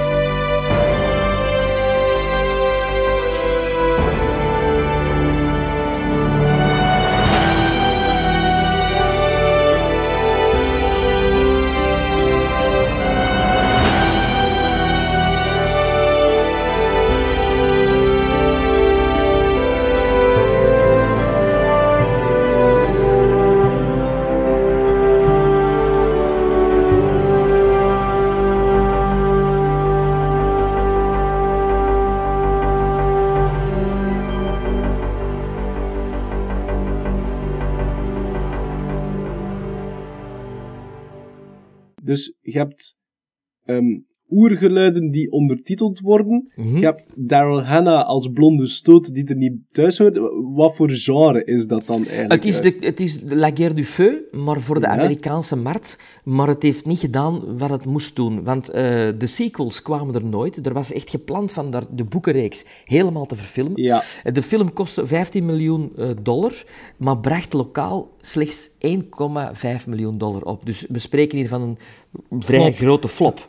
Eh, ehm, de fantastische Pamela Reed speelt eigenlijk de adoptieve moeder van Daryl Hannah en doet dat heel voortreffelijk. En James Remar, een, een, een gast die je zeker kent uit van die Ja, ja, B-actiefilms, ja.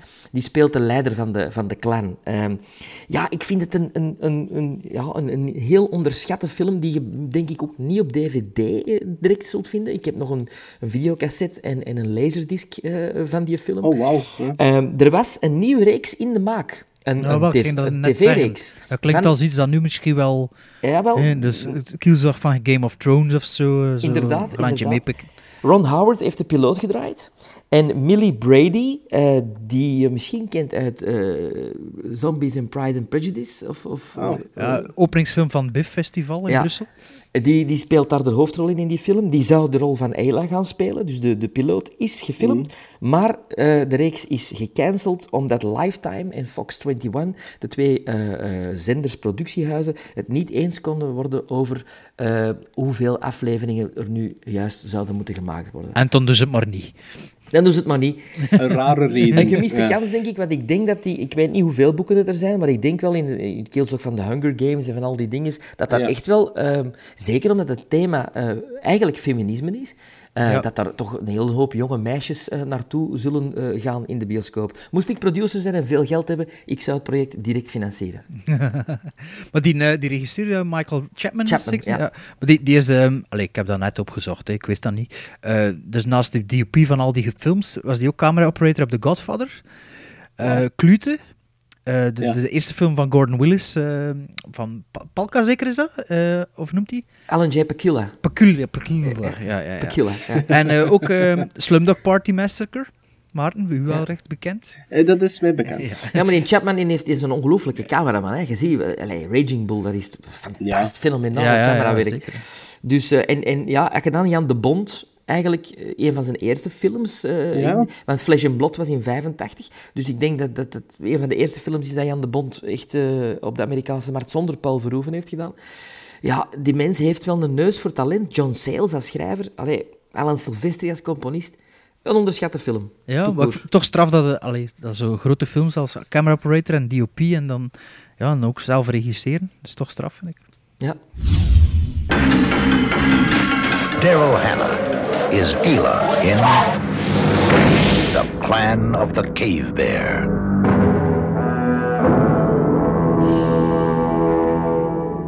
Ja, jongens, wat gaan we nu een keer doen? Ik heb hier iets eh, bedacht, dat jullie natuurlijk ook al weten, want jullie hebben het voorbereid. Ehm, ik had het, eh, of wij hadden het idee om een top 3 op te stellen van part 3's. Dus ehm, de derde film in een reeks eigenlijk. Dus ehm, ja, part 3, hè, zoals we het kennen. hè, eh, een vervolg Eigenlijk- op een vervolg. Of... En de aanleiding was eigenlijk eh, Ghostbusters, hè? daar moeten we eerlijk ja, in zijn. Een beetje. ja, ja, het zou kunnen. Ja, ik weet er niet meer van waar dat idee Ja, kwam. omdat er nu een, zogezegd een Ghostbusters 3 komt, maar, eh, maar eigenlijk, als ik de trailer bekijk, dan, ja, dan ga ik het niet hebben over een Ghostbusters 3, maar over een reboot. Ja, maar er, maar er is een reboot en er is ook een Ghostbusters 3 in de maak, hè? In de maak, ja, gelukkig. Ja, Met Dan ze- Aykroyd, hè, ja, terug. Ja, ja, ja, waarschijnlijk omdat ze denken, ja, als het niet aanslaat bij de vrouwen, en ik heb nog de mannenmarkt om eh, in te palmen met een Ghostbusters 3, of... Ja. Ja, ik weet het niet We zouden precies. iets achter de hand eigenlijk. Gewoon. Ja, ja, Ja. Maar een beetje te laat, hè, want... eh, Ja, één van- één is ja, al- is, ja, hij is al dood, eh, Harold Ramis. Ramis, Ramis, ja. Ja, ik heb trouwens gisteren de originele nog eens gezien en dat blijft toch een topper. zo. Ja, ja, ja, ja. Voor de 25e keer, denk ik. Ja. Ja, maar sowieso, eh, Bill Murray wou niet meedoen, zeker. Hè? Ehm, Wow, dat is altijd zo'n wel eens niet een spelletje toch geweest. ja, en dan doet was hij wel mee in de, allemaal- in de remake, allee, reboot doet hij wel mee. eh. Ja, Ah, reboot, ja, dat is wat. Maar Ja, het, is een, maar- het is een hele trouwe, eh, een, een hele, een hele trouwens rare trailer, want hij begint alsof we een, een sequel gaan krijgen, want een trailer begint met eh 30 years ago, four scientists saved the world, dus we maken Klopt. een link, en dan ineens zie je heel het verhaal terug opnieuw beginnen in een trailer, dus het is heel raar. Nou, ik heb het niet gezien, maar ja. Ah ja, nee. Ja, jij kijkt geen trailers, Nee, ja, nee. Eh, ik vind, ik, ik, ik, ik stel er ook gigantische vraagtekens bij. Want uiteindelijk vind ik, als je zo'n trailer lanceert, dan is dat Ghostbusters 3. Als je je trailer, als je dat zegt, is dat een voortzetting van het verhaal en is dat Ghostbusters 3. Of maak daar de vier dochters van. Gewoon de, doch- de Ja, dochters maar- van die maar- hoofdpersonages. Maar, maar, spreekt, maar, maar vermijd die termen, want dat sloot toch op niks als je, op dat moment. Als je, als je je hoofdpersonages van de vorige twee films aanhaalt, dan vind ik, start je niet opnieuw, je doet gewoon verder. Mhm, mhm. Ehm, Eh, Wat dus- J.J. Abrams fantastisch heeft gedaan eh, Ja, met, met episode ja, voilà. 7. Ja, eh, voilà. Dat, dat- je kunt dat daarmee perfect vergelijken uiteindelijk. Ehm, maar ja. Enfin, we moeten hem nog zien natuurlijk, maar Ja, dat, was de, de rechtstreekse aanleiding, denk ik, voor die, die, die top 3 van derde films. Ja, Ja. Ah, maar ja, kijk, we kunnen misschien straks nog even over Ghostbusters hebben. Maar ehm, ja, dus we hebben dus eh, drie favoriete top 3's eh, opgezocht. Ik vond dat weer verschrikkelijk om te doen, omdat ik... ja, ik kan ik nooit kiezen van die dingen. En dat, dan denk ik, oh ja, dat en dat. Ik ben ook dat eerst met een lijst van 10 begonnen en dan zo verder geslinkt naar drie. hè. Ja, en toen dan zo, ja, toen had ik er drie over. dacht ik, ja, dat zijn drie clichés. Dat moet toch iets anders zijn, want anders ja, zit er gewoon Ja, maar met- soms zijn clichés goed, hè, Bert? Ja, Ja, ik, ik, ja. dat- ik heb daar ook niet echt naar gekeken. zo. Ja, maar ja, toen, en toen dacht ik, oké, ik ga iets anders doen. En, allee, dus vandaag is dit mijn top 3 en eh, morgen, is morgen iets anders. Hè. Ja, je weet hoe dat, dat gaat. Hè. Oké. Ja, maar weet je wat? Oké, Bart heeft de suspense opgebouwd, dus Bart mag ehm, Vind ik ook. als laatste. Dan. Oké. Eh, we zullen beginnen met elk onze nummer drie, zal ik. Eh, ja, mijn nummer drie is ehm, de derde Nightmare on Elm Street. Oh, goeie keuze. Ja, en Goeie ik keuze. vond als horrorliefhebber dat ik toch moeite moest doen om er een horrorfilm in te doen sluipen. Ehm, ik had eigenlijk begonnen... Allee, mijn films waren redelijk krap. Ik was eigenlijk begonnen met een top 5. Dus dan moest ik er nog drie, allee, twee films elimineren voor bij mijn top 3 uit te komen. En eh, ja, ik vond dat de, night- de derde Nightmare on Elm Street er zeker moest tussen Wat is een ondertitel er weer van? Is dat de Dream, Dream Warriors? Warriors. Ja, Dream Ja, Warriors. ik Ja. dacht dat ook. ja. Dus de volledige titel is A Nightmare on Elm Street Dream Warriors uit 87. Ja, dat is echt een goeie. Hoptikke, die Ja. zit- ja, dat is echt een goeie. Ja. Ehm, en ik heb die gekozen eigenlijk om verschillende redenen. En eh, de eerste is eigenlijk, en wat dan niet echt geweten is, ehm, is dat het script van de derde film eh, opnieuw mede geschreven is door Wes Craven. Ja. Die met de tweede film eigenlijk niet veel te maken had. Ehm, en eh, heeft daar steun bij gekregen van, nu moet ik even spieken, Bruce Wagner. Ja, dat was zo zijn schrijfpartner wat. Maar eh, Frank Darabont Ah, ja. heeft er ook aan meegeschreven. Dus Oh, die God. dat we later kennen als regisseur van The Mist en Shawshank, Red- Shawshank Walking Dead. Redemption. En, ja, The Walking Dead in Green Mile. Ehm, en Chuck Russell heeft ook meegeschreven. Chuck Russell is ook degene die eh, de film geregisseerd heeft. En die is dan bekend, echt zijn bekendste film, zijn meest mainstream film is The Mask met Jim Carrey. Heeft hij Oké. geregisseerd. Ja. Dus eh, ja, maar de eerste reden is niet alleen dat heeft Wes Craven eraan meegeschreven, maar was het oorspronkelijk de bedoeling dat de franchise zou stoppen na de derde film. En dat was ook een van de redenen waarom dat Craven besloten heeft van er opnieuw eigenlijk zijn hand in te nemen, omdat hij wou dat er eigenlijk het verhaal verteld was. Mhm. En je voelt dat in de film, omdat we ehm, eigenlijk meer te weten komen over eh, Freddy Freddy Krueger. ja. Ja, eh, we wisten al eh, dat dat een kindermoordenaar was vanuit de eerste film. Maar nu weten we ook ehm, hoe de geboorte, eh, allee, hoe de verwekking van Freddy Krueger in stand gekomen is. Ehm, en wat is er eigenlijk gebeurd? Dat was eigenlijk vroeger in een soort van ja, sanitarium of zo, zo'n psychiatrisch ziekenhuis, van, waar al de zotten vlogen, is er ooit ehm, een verpleegsterke een gans weekend of voor de feestdagen opgesloten geweest. En die is eigenlijk verkracht door honderden maniakken. En, en, en zo is, is Freddy Krueger verwekt geweest. Ehm, eh, en dat, dat vind ik altijd aangenaam. Als, Ja, als, ja, als er een voortzetting... als, er, als er een voortzetting van een verhaal is, vind ik het ook altijd heel tof dat de personages verder uitgediept worden. En ik vond, als, om, om het, het personage van Kruger dan iets meer af te ronden, vond ik dat fantastisch goed gedaan. Eh, niet alleen dat, ehm, is voor mij ook ehm, de derde entry het best gebalanceerd ehm, van heel de reeks. Je hebt er voor mij misschien wel de beste practical effects in zitten van Hans de, eh de met die, met die tong? Met die slang en die tong en zo. Allee, zijn hoofd de, op- slang, de, slang, de slang, de tong is in de eerste. En de buik Ah. zo, met die hoofdjes in. Hoofdjes in. De buik, ja, dat is ook de eerste keer. Die komt dan nog een keer terug wel in ehm, Dream Child. Na Ah, Dream, Dream Warriors Child, is Dream ja. Child. Maar, maar die, die buik met de kopjes wordt wel voor het eerst geïntroduceerd in de derde film. Ah, oké. Op het einde, ja. Ehm, je hebt de, de rentree van Heather Langenkamp, van Nancy Thompson, de, hero, allee, de hoofdrolspeelster, de, de, de heroïne, hè, eh, de heroine van ehm, de eerste film die terugkeert. Eh, je hebt een eh, hele jonge Patricia Arquette, die eigenlijk zo wat naar voren geduwd wordt daarin, als zijnde de Nancy Thompson van de derde film. Eh, je hebt een Larry Fishburne, vooraleer dat hij Lawrence Ja, ja. Fishburne werd, ehm, die toen nog als Larry door het, eh, eh, door het leven ging. Ehm, maar ik vind een, een, een hele leuke film, ehm, waar dat er meer eh, diepte zit. Ook eh, wat dat er fijn is, is dat het weer meer eh, toespitst op een groep jongeren.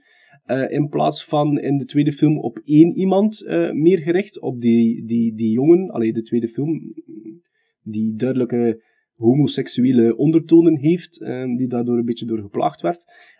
Ja, maar ik vind het een fantastische derde film. Goeie, goeie Ehm, score ook, want ik heb die, de, de, de muziekscore van die film. Is waar? Ja, Eh, ja, van ja. eh, Angelo, Angelo. Badalamenti, die ook Twin Peaks daarna heeft gedaan. Allemaal, bon, ja. ja, ja. Eh, er zitten hele eh, eh, toffe stukjes stop-motion ook in, wat ik, ik, ik, ja, ik ben er wel fan van, van stop-motion in een film.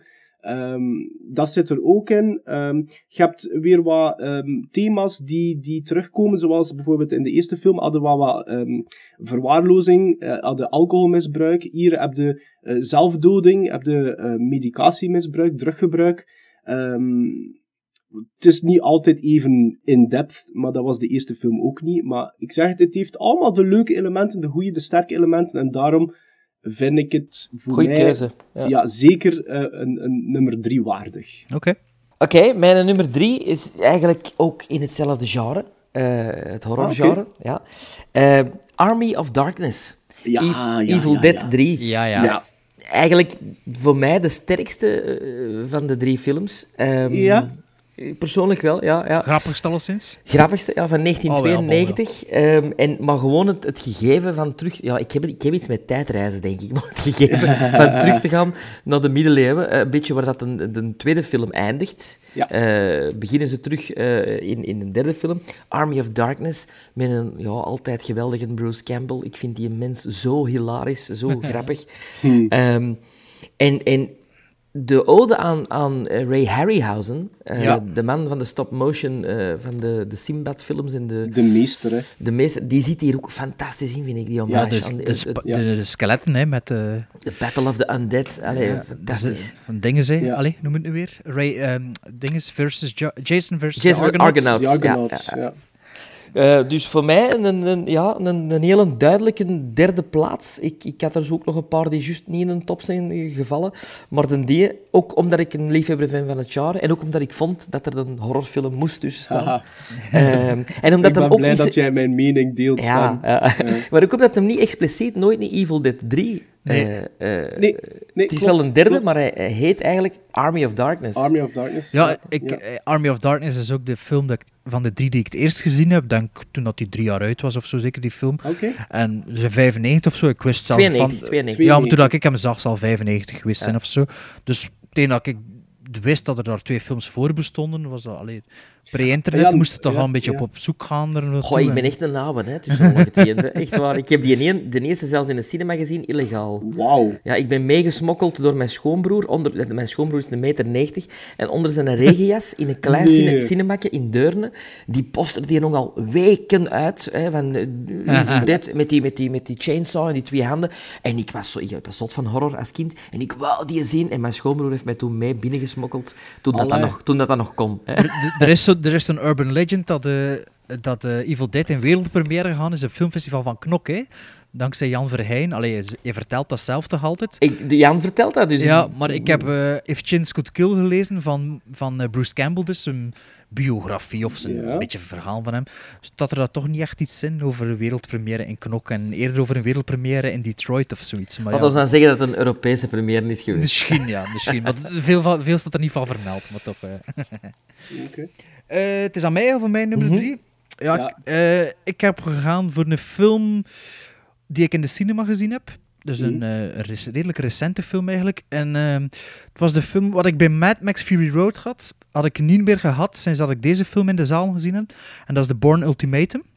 Dus de derde film van de de Bourne, Jason van de Bourne Jason films, Bourne hè? trilogie. Mhm. Geregisseerd door Paul Greengrass uit eh, 2007. Ja. Eh, de film is eigenlijk de apotheose van de eerste twee films. eh, waarbij dat de personages in zo'n danige soep zitten, of, of Hans verhaal eigenlijk, dat, ze, dat echt eh, om, op elke hoek van de straat er een moord kan gebeurd worden. En de, de film is zodanig in beeld gebracht en gemonteerd dat eh, echt ja, de spanning van begin tot einde er afdruipt. En eh, daarom voor mij een waardige nummer drie. Oké. Heeft trouwens ook drie Oscars gekregen voor beste montage, Sound. beste sound en beste sound. Die Dus allemaal. voor, voor mij te lang geleden. Ik moet die, die franchises terugzien. eh, omdat ik die drie films door elkaar slaag. Eigenlijk. Ja, maar er komen ook veel flashbacks Ja. in voor. Hè. En de Ja. eerste is ook wel de minste van de drie. En... Voor, mij, voor mij is The Bourne Identity nog altijd die een tv-film uit twee delen met Richard Chamberlain. Voilà, ja. Die, die, ja, die wel minder spectaculair is, Ja. maar qua, qua geheugenverlies veel meer... eh, eh, eh, ja, het gegeven van het geheugenverlies. De, de eerste is toch met Franka Potente, hè? Dat is, dat is de eerste, hè? De, de Duitse, de, de, de hoofdrolspeelster. Waarmee dat die met dat Minieke dan... Is dat de eerste? Dat is de eerste, denk ik, ja. ja. Dat Ah, hij ja, met, dat hij dan in Zwitserland naar, naar Amsterdam moet Ja, vluchten of zo. ja, hè. ja, ik denk ja, dat ja, dat de ja, ja. eerste is. Ja. En de, Want ik sla die ook wel. Ik moet- Ik heb ze alle... Allee, er zijn er, eh, de vierde heb ik niet gezien, maar de eerste drie heb ik wel gezien. De vierde Maar is echt net- niet goed, hè. Allee, Maar sorry, maar ik net als fan, ik sla ze ook wel wat door elkaar. Wel, ze, ze, ze zijn ook allemaal met elkaar verweven, hè, maar in de derde Ja. begint met, eh, met zijn vrouw die eigenlijk vermoord wordt, hè, ter- terwijl ze hem willen vermoorden. En dan, eh, ja, dan... eh, ja, Ah, ik dacht dat dat een... Ziet wel, Of- want ik ja, dacht dat of is dat dat- het begin van de tweede was. Dat, Nee, zij, bij mij- dat die Potente vermoord wordt. Of... mm, Ik weet, ziet? Ja, maar ja, ja. het niet. Of, oftewel is het begin van de derde dat hij toch nog leeft. In een derde is dat Ah. er van, van de één raam naar de ander springt. Ja, ja, zo. met ja, dat ja, de camera erachter duidelijk- vliegt in, Ja, eh, ja, ja. in Marrakesh of waar dat ook is. En, ja. Ja. dat is... Ah, wel, die is goed dat je dat aanhaalt, want ik moet die, ik moet die eens terugzien. Dat, die, ja, absoluut. Ja, oké, wacht even. Dan is het al aan mij voor mijn nummer 2 dan, of wat? Ja, sorry, ik Ehm, heb er niet zoveel over te vertellen. hè. Nee, nee, maar.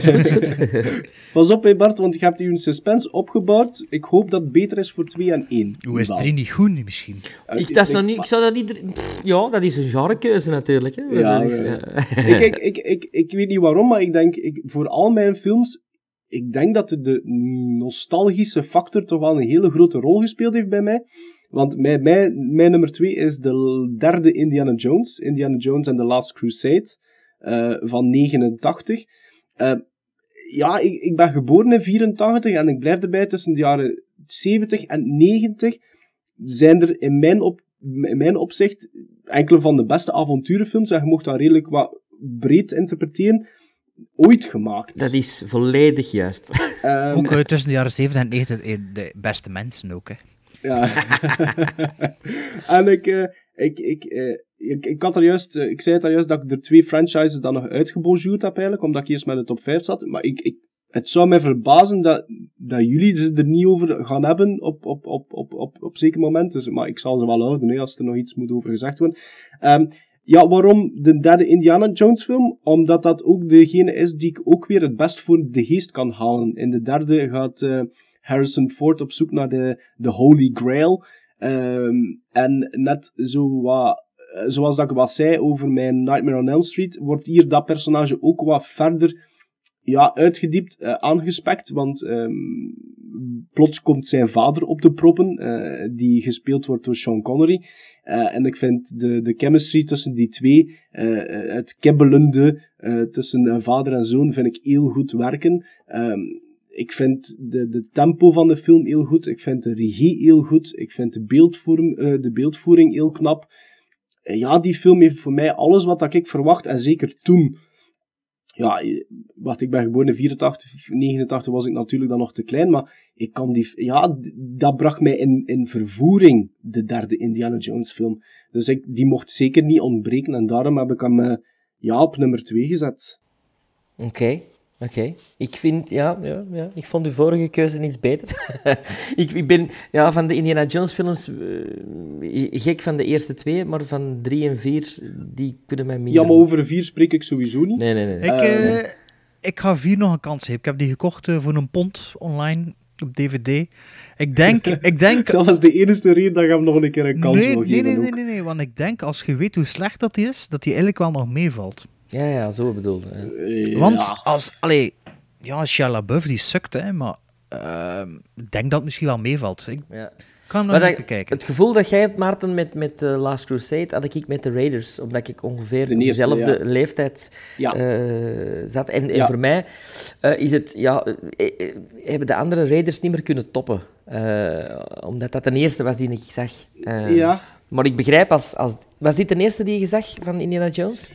Eh, de, de, de, de, de, nee, het is wel degene die mij best bijblijft. Ik, Mhm. ik, ik durf hem op dezelfde, nagenoeg dezelfde hoogte zetten als Raiders. Ja, ja, maar oké. natuurlijk, het segment is top 3. Top drie, ja, ja, van- ja. Dus daarom vond ik dat een, een, een franchise dat ik het zeker even wou over hebben. En dan The Last Crusade vond, eh, was de, de pick. Oké. Oké, Sven? Mijn nummer twee in eh, deze lijstje is eh, Mission Impossible 3. Eh. Vind ik van de Mission Impossible films de sterkste. J.J. Abrams? J.J. Abrams, inderdaad. inderdaad. Ehm, en eh, wel om, om één grote bepalende reden. Ik vind het van alle Mission Impossible films de beste bad guy hebben. Meer zelfs. Ik vind het de beste bad guy.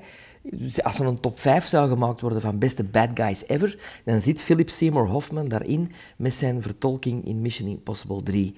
Zo zo slecht, zo badass bad guy, met een, een postuur die eigenlijk tegen Tom Cruise eh, pff, niet te vergelijken Ja, valt, ja. Hè? maar toch zo agressief, met blikken en met, met puur dialoog, want hij moet het niet van zijn sterkte hebben. De scène in het vliegtuig, waar dat, eh, Tom Cruise eh, eh, uit, uit een luik hangt, terwijl dat ze aan het vliegen zijn, en waar dat Philip Seymour Hoffman over hem zit en zegt van, als je het nu niet gaat zeggen, hè, dan, en als je, als je nu, dan ga ik achter je familie, dan ga ik je vrouw vermoorden, dan ga ik dit, dan ga ik dat. Met ijzingwekkende stilte, dat is voor mij ook het moment uit de franchise. En dat is voor mij ook waarom dat deze film in, eh, in mijn top 3 staat. Ja. Ja. Mission Impossible 3. Ik denk dat ik die niet meer her- opnieuw gezien heb sinds in de cinema, maar ik vond hem ook wel goed. eh dat is toch met de, gezicht, met de gezichtscanner dat ze het dan eh aan Op een gezicht moment- kunnen plakken en zo. Op een en, gegeven moment wordt Tom Cruise Philip Seymour Hoffman ja, in het verhaal. ja. Is dat niet het San Marco-plein of zo, dat ze daar ondergronds gaan of ergens? Ze gaan, ja, ondergronds. Ja, ja, ja, absoluut. Ja, ja, ja. absoluut. Ja, Ja, die moet ik eigenlijk wel nog eens herzien. Maar ik denk dat ik vol, de volledige Mission Impossible eh, serie een keer op Blu-ray zal aankopen. Want ik denk niet dat ik één liggen heb. En ja, ik ben wel fan eigenlijk. Ook van 4 en 5 eigenlijk. eh. Ja, twee was ik het minst fan van. Ja, John Woo zeker. De? John Woo, eh, de twee vond ik eigenlijk... Ja, nee. nee. Ja. Eh, mijn nummer 2 is ehm, een film van 1989. Ehm, geregisseerd door een zekere Steven Spielberg. En, dus Indiana Jones and the Last Crusade. Alright, alright. nee, ehm, ja, ja, follows eigenlijk in mijn opinie, maar ik ben een grote fan van Indiana Jones 1, 2, 3, 4, misschien binnenkort terug. Ehm, ja, en de toevoeging van Sean Connery als zijn vader, Ja. met de, de, de chemistry tussen de twee en de Ja. typische Indiana Jones eh, sneren die dan gecounterd worden door iemand die juist hetzelfde is eigenlijk, maar er zijn vader ook is, zorgt voor een extra laag chemie in de film, eh, ja, wat ik echt weet te appreciëren. En eigenlijk eh, een volwaardige Indiana Jones film, wat, terwijl dat ik bij veel part 3's eigenlijk het gevoel heb van, ja, dat hoort er maar bij om dat toch En nog wat in te cashen. soep, het vet is van de soep, terwijl Ja. dat Indiana Jones 3 eigenlijk eh, perfect Ah, wel, nog een, ja, dat een gateway kost zien om een 4 Inderdaad. vier te maken. Dat is een goede redenering, Bart. Niet Dat is nu- 25 jaar ja. later, maar drie jaar later kon er perfect nog een, riem, allee, een vervolg Ja. aan gemaakt worden. Ah, wel, ja, om die reden begin ik nu de keuze weer te verstaan ook. Van, inderdaad, het is niet zomaar een, een, een, een, een gratuite derde film. Het is, Het is een toevoeging, hè? Ja, absoluut. Het is echt een toevoeging aan de franchise. Het Ja. is niet... Het is geen cash cow. Het is niet zo ontstaan. Het is echt... Ik vind het een sterk script. Ik vind het heel goed geschreven. Ik vind een... een toegevoegde, de toegevoegde waarde van Connery is onbeschrijfelijk. Dat- is, dat, pas op, dat moet ook werken, nee, maar dat, dat, is, dat, ja, dat is fantastisch. Hè. Oké. Ja, dus dat was mijn Eh, twee. Eh, ja, mijn nummer 1 is eigenlijk de film waar dat ik, ja, die direct in mijn gedachten opkwam. En dat is misschien vreemd, want het is een film uit 1966. En eh, dat is voor mij misschien wel de ultieme western. En dat is The Good, The Bad and The Ugly eh, van Sergio Leone. Ehm, ik heb in een vorige aflevering al gezegd dat ik een zwak heb voor westerns. Ehm, dat is een genre wat ik, ja, dat ik eigenlijk altijd wel naar kan kijken. En ik denk dat ehm, The Good, The Bad and The Ugly een fantastische western is, court. Eh, het is eigenlijk ehm, de afsluiter van de, de, de, de, de Dollars Trilogy van Sergio Leone. Die De Man with No Name trilogy Ja, allemaal gecentreerd rond het personage van Clint Eastwood. eh, zoals dat eh, Bart zegt, The Man with No Name. Ehm, en ehm, ja, ook, ook de, de, de snelheid waarin dat die drie films zijn gemaakt en gemonteerd, eh, is best wel knap te noemen. Want ehm, de trilogie begon met A, Fistful, A Fistful of Dollars in 64. Dan hadden in 65 For a Few Dollars More. En dan in 66 kwam dan uiteindelijk The Good, The Bad and The Ugly. eh, waar Eastwood natuurlijk in speelt. Waar Lee Van Cleef opnieuw eh, in voorkomt. net zoals in For a Few Dollars More. En het trio wordt vervolledigd door Eli Wallach ehm, die Tuco speelt, eh, eh, a.k.a. The Ugly. Ehm, ik vind het een, een, een, een, inhoudelijk is het eigenlijk best wel een complex verhaal, omdat de Civil War komt er, eh, speelt een hele grote rol ehm, in de film. Maar uiteindelijk komt erop neer dat er drie gasten eigenlijk op zoek gaan naar een schat die ergens eh, begraven ligt. Maar ja, ik vind, ik, vind, ik vind het een fantastische western. Ik vind dat de, de, beeldvoering, de beeldvoering heel knap is. Ehm, eh, ik vind ook wederom dat het eh, personage van Eastwood ehm, heel tof benaderd wordt. Ehm, je hebt bijvoorbeeld eh, op het, in de laatste 20 minuten ehm, doet hij plots zijn, zijn, ehm, zijn jas uit, wat in, in, in voor mij een van de meest pakkende scènes om een gewonde soldaat eigenlijk toe te dekken die nog geen 30 seconden later sterft. Ehm, trouwens vergezeld door een fantastisch stukje muziek van Ennio eh, Morricone. Ehm, en dan pakt hij een poncho op, en dat is de poncho eigenlijk dat hij droeg in, in de eerste film. Dus ik vind dat het heel waardig, heel, heel tof mee omgesprongen met, met het verhaal. Ehm, ja, ik, ik zei het al juist al, de muziek van Morricone, iedereen zal wel de, het openingsnummer kennen, ehm, maar dat is niet, weet je, er zitten nog andere stukken in die minstens ehm, even knap eh, zijn eh, van, van de man. Ehm, maar ja, ik, ik, ik, ik zou... De, de western die voor mij nog dichtst in de buurt komt, zou dan Unforgiven zijn, uit 92, met Clint Eastwood ook. Van niveau of van verhaal? ja, of- van niveau. Van niveau. En, en zelfs, ehm, je moet weten, in 66 eh, werd de eerste Django-film eigenlijk ook gereleased met Franco Nero. Maar die is wat op de achtergrond verdreven door The Good, The Bad and The Ugly. Ja. En, en de regisseur van Django, zijn voornaam is ook Sergio. En dat heeft hem ook niet echt eh, vooruit geholpen. Omdat ja, als je aan westerns denkt, dan denkt je eigenlijk direct aan Sergio Leone. En denkt je niet aan de andere Sergio. Ehm, maar zelfs Django verdient iets meer krediet voor mij toch persoonlijk dan dat hij eigenlijk ehm, algemeen gezien ehm toegeschreven krijgt. Ik heb die, Ja, op, Blu-ray liggen, maar ik heb hem nog nooit niet gezien. Dus, oké. Ah, wel, ik heb, ik, ik, ik zou, ja, het is echt, eh, de, de, trouwens, de, ex, die extended cut duurt maar liefst 2 uur 50 minuten voor een film uit, zes- een western uit 66. Maar ja, ik vind, ik, vind, ik vind dat echt een geweldige western.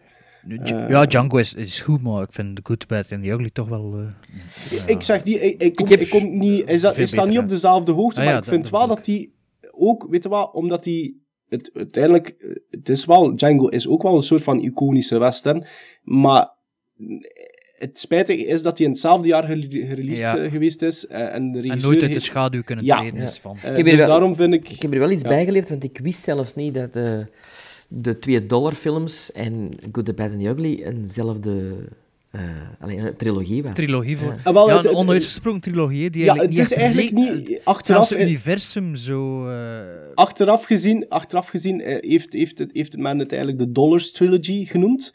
Omdat er eigenlijk in iedere film ook gezo- gezocht wordt naar een, naar een, naar een, eh, naar een buit. Eh, maar voor mij persoonlijk eh, is dat geen verrassing. Die filmen horen bijeen. Oké, maar En de- Bad de- and The Ugly heb ik gezien, maar die twee anderen niet. Eh, Het is zeker, zeker leuk. Zeker leuk. Je hebt ook bijvoorbeeld in For a Few Dollars More hebben een fantastische Klaus Kinski erin spelen, als in een klein rolletje. Eh, maar Als- echt... eh, als een- a- zot. Ja, als zot. Raar maar waar, hè. Maar een hele toffe, echt waar, eh, een, een hele toffe trilogie. Zou dat een verwijzing zijn naar Zout van de comicstrips dan? Geen idee. Nee, dat is, is, hij speelt een, een soort Ah, van zot gek, met een. T. Ja, hij speelt Ja, een- ja, ja, zot. Ja, hij speelt een Ik gek. dacht Gerald Ja, ja. Zout. Nee, nee, Klaus Kinski speelt altijd een zot. Ja, dat ik. was de zot. Ja, dat was de zot van. Maar dus daarom, daarom voor mij eh, The Good, Good, The Bad en The Ugly op nummer 1. Mooie keuze, ja. Oké, Sven? Een beetje obscure keuze op mijn nummer 1, maar ook Gut Feeling, dat was direct de eerste film die eh, in gedachten sprong. Dead Wish 3. Oeh, een canon, een, een canon film? Ja, een- ja, maar ik ben een grote Canon-fan. Is dat de Avenger of New York? Is dat een ding? Ja, ja, ja. ja. Ik nee, nee, het nee, nee, nee, nee, nee. Dat is de vierde. De, de, de vierde is... eh, ja, de vierde is met zijn... Ja, de, het is, nee, de derde is van Michael Winner. eh, dus Ja. de, de, eh, ik denk zelfs een originele regisseur van de, van de eerste film. Werd, was dat, werd die dan ook niet zo'n beetje eh, de huisregisseur een klein beetje van Canon? Van over ja, ja, toch? ja, absoluut. Nu, en eh, ook van Swart, Bronson ik- films. Ik, ik ben heel benieuwd, want ik dacht, ik heb de eerste twee gezien de- en ik dacht bij drie moet het vet van de soep zijn. Nee, nee, ik nee. was fan. Nee, drie, Zeg maar, drie, zeg maar. drie is, is meer mainstream dan 1 en 2 wel. Eh, is meer voor een groot publiek gemaakt. Maar Bronson is op zijn toppunt. Zo'n toppunt van, van, van badass acteren. Eh, en inderdaad, je haalt het er al aan, een, een canonfilm. Eh, in die periode maakte die voor mij de beste films. Ik vond dat heel, heel cheesy soms, maar Ja. juist daarom zo fantastisch. Die keuzes die die maakten ook. Allee, ik bedoel, Dead Wish was ook al... Wie had gedacht dat er nog een 3 zou komen? Ik bedoel, jaren... En een 4 en een 5. Ja. maar Dead Wish 3 is de, de commerciële versie van, van 1 en 2. Laten we het zo zeggen. en Ah, ja. daarom eh, een heel ander kleurenpalet. Een heel andere Ja. tijd ook. eh, Ja. eh, heel toegankelijk. En, en blijft... Ja, ik ben een grote Bronson-fan. En ik vind het ook een van zijn beste eh acteerprestaties die hij daarin neerzet. Maar, maar is die daarom... Pakt hem ook omdat hij door zijn toegankelijkheid globaal gezien als film beter dan wordt? Of, of niet echt? Eh, minder hard. Minder gritty. Minder gritty. En daarom denk ik dat ik... Het was ook de eerste die ik zag in die reeks. Ah, oké. Eh, en, en in de cinema zelfs eh, gezien. Eh, en daarna pas naar de 1 en de 2 eh, gegrepen op, op video. Ehm, dus dat zal er ook wel mee te maken hebben, denk ik. Ja. ja. Ja, Oké. Verrassend, verrassend. ik- ja, een heel, heel verrassend Ja. zelfs, vind ik. Ik heb hier Ik had, ik had van u eigenlijk ja, iets anders verwacht. Oké. Ik weet, ik weet Ja. wat je verwacht had. En misschien nu Bart het, gaat Bart het zeggen dan. Misschien, misschien hè. Spannend, hè. Nee, eh, is dat mee? Ja. Ja. Ja? Eh, ja, wel, mijn, eh, mijn nummer 1 is een film uit eh, 1966. Echt? door een Italiaanse eh westernregisseur eh, genaamd Sergio Leone. eh? The Good, The Bad and The Ugly. Jawel, jawel, serieus. Ehm, ja. Ja, The Good, The. Bad and The Ugly. hè. Ik vind Once Upon a Time in the West vind ik nog beter, maar The Good, The Bad and The Ugly is fenomenaal. hè. Eh, Ja. Van de beeldvoering. De, de eerste keer dat ik de film zag, eh, de freeze frames, The Good, Ja. The Bad and The Ugly. Man, ik was verkocht. Hè, en, Ja, de title cards eigenlijk. Ja. ja, wel, ja, het is niet wanneer ze eerst in beeld komen dat, dat ze het dan nog een keer zo benadrukken wie dat ze zijn en eh, ja, de invloed van de film, de, ja, de magie. eh, Een paar weken geleden in Morricone in het Sportpaleis, Ja, wanneer dat hij eh, de, de, de, ja, de, het clichématige bijna Good, The Bad and The Ugly live speelde, was toch wel een traantje wegpinken Ja. tijdens bombastische momenten. En, ja, het was toch... ja, Allee, wauw, Bart. Ja, ik, ik, had, ik had verwacht dat er overlappingen ging zijn. Zeg. Ik geef dat eerlijk toe. Ik had dat wel, maar ik had niet... Ik had het op andere films verwacht. Dus op, op, Ja, nee. ja, maar ja, de, de chemie tussen de personages, hoe dat ze elkaar nodig hebben, ook in The Good, The Bad and The Ugly. Ze, Ja. allee, ze hebben allemaal een eh, gebreken en eh, kwaliteiten. Op, Ja. eh, En ze hebben elkaar nodig en ze kunnen niet met elkaar en Ja. niet zonder elkaar. Maar ja, dan, ze moeten wel samenwerken om de, de, de, ja, de schatkist te vinden. Ja, en, ja. ik ben eh, ja, grote fan, grote fan. Maar ik, ik zeg, dat is mijn top 3 van vandaag. Hè. Of- Ja. ja, het is een beetje... Ja, ik Mis- had, het- nou ja, natuurlijk Ja, ook... eh, Maar dan, dan, ah, dan kunnen we misschien wel nog, als die er zijn, eh, honorable mentions Ja. even overlopen. Ja. Ah, wel ja, ik, heb, ik had ook Army of Darkness staan. Ja. Ehm, ja, ja, om de reden dat ik aanhaalde. Wacht even, is mijn blaadje hier. Ah, hier. Back to the Future 3. Ja, ah, wel, ja. Toch, ja? Ja, Maar, ja, ik maar vind- als franchise meer. ja, maar niet als individuele film, inderdaad niet. Maar daar heb ik eigenlijk niet naar gekeken. Ik heb het in de trilogie of Ja. ik weet niet wat voor een logie bekeken. Ja. Eh, Lady Vengeance eh, van... Oh ja, eh, dat, oh, dat is een goede keuze. Ja. Maar ik- moet ja. moet nu eerlijk zijn, ehm, ik sla eh, l- Sympathy for Lady Ja. Vengeance en Sympathy for Mr. Vengeance, Ja. ik sla die wel een beetje door elkaar. Oldboy, dat weet ik perfect wat dat is, maar is- die twee, ja. die twee sla ik wel een beetje door elkaar. Toy Story 3, is ook heel goed, Ja. vind ik. Eh, Child's Play 3, omdat ik een grote fan ben van de Child's Play trilogie. Oh, dat vond ik een hele slechte film. Er komt een Ja. nieuwe Child's Play, hè? Ja, weer al. Ja, ja, ja. maar ik, Opnieuw eh, door eh, de originele... Brad Dourif speelt, speelt mee. Brad Dourif speelt mee, dat weet ik. Maar opnieuw door Tom Holland? Dat weet ik niet. ja, dat is het enige dat hij doet, zeker, Tom Holland. Wat hij heeft dan, hij heeft dan nog maar een, een soort van... Wat, Bride of Chucky, The Seed of Chucky en de... Maar daarna nog een, hè? Child had een nieuwe, hè? Eh, ja, wat was die weer? Eh, die heb ik ook gezien. Met de dochter van Brad Dourif doet daar, speelt daar de vrouwelijke hoofdrolspeelster. Oh, wat was dat nu? En die Eh, doet dat trouwens... Play, Zie- Child's Play 2, Child's Child's- Play 3. Bride of Chucky, Seed. Seed en... Ja, en de- de- ik denk dat het gewoon Chucky is of zoiets, hè? Is, is niet gewoon Chucky, die titel? Ja, ik weet het niet meer. Ik denk dat het gewoon Chucky is. Curse of maar- Chucky. Curse of Chucky, Curse ja. of Chucky, ja. Ja. Maar ik was een Ja. grote fan van Child's Play 2, dat is mijn favoriet. En eh Child's Play, toen dat Child's Play 3 eindelijk uitkwam in de Maar videotheek... Chuck, Chucky was... 7 is van Don Mancini in de, in the works. Ah, oké, oké. Zeven. Wacht even, maar is, wat, sla ik Tom Holland en Don Mancini dan door elkaar? Dat zou wel kunnen, hè? Ehm, ja, wat dat Ik dacht dat de regisseur van Child's Play alleen nog maar Child's Play films geregisseerd had. Nee, of nee, geschreven had of Nee. zo. Nee. Eh, wie had ik hier nog? Die Hard 3, vind ik ook eh, een topper. Ja, ja, ja. Eh, Ik denk dat dat misschien de eerste is die ik gezien heb, dus misschien heeft dat er ook mee te gaan. Return of the Jedi natuurlijk. Eh, Ah, wel, Naked, dat, dat was eigenlijk degene dat ik nog ergens van jullie verwacht had. Ja. maar oké. Naked Gun 33 en een derde heb ik ook Och, staan. ja, ja. En Police Academy 3, Back in Training. Back in Training, goeie. Dat is eigenlijk mijn favoriet misschien. Oh ja, samen met Oké. de origineel natuurlijk. Oké, Dat waren mijn drie eh Maar ik, potentiële. had nog, ik had nog honorable mentions eh The Godfather 3, die ten onrechte altijd als het eh, eh, mislukte, mislukte broertje van de trilogie Ja. wordt aanschouwd. Wat ik niet vind. Ik vind het een perfecte aanvulling van 1, 2. eh, alhoewel ik 2 een sterkere film vind. Maar Ja. Godfather 3 is zeker, zeker heel goed. Ook met Eli Wallach trouwens. Ja, Ehm, ja, ja, ja. Rocky 3 vind ik de beste Rocky van heel de reeks. Eh, Is dat, is dat Mr. T? Dat is Mr. T, inderdaad. Ja. Ja, dat is The Eye of the Tiger. Ah, ja.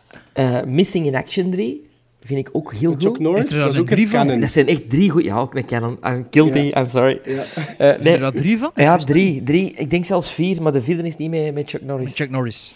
Ah, Ehm, en, dan, één en twee op DVD. en, en dan ene die juist uit een top 3 is gegaan, Psycho 3. Ja, ik, Ah, eh, ja. ik, ik was dat ook aan het overwegen, maar ik, ik heb die 2, 3 en 4, ik heb die in geen 25 jaar meer Ah, wel, gezien. maar Dus de 3 is de ook dezelfde reden als Death Wish 3. Is de eerste keer dat ik in aanraking kwam met Psycho. Ja. Ook in de cinema.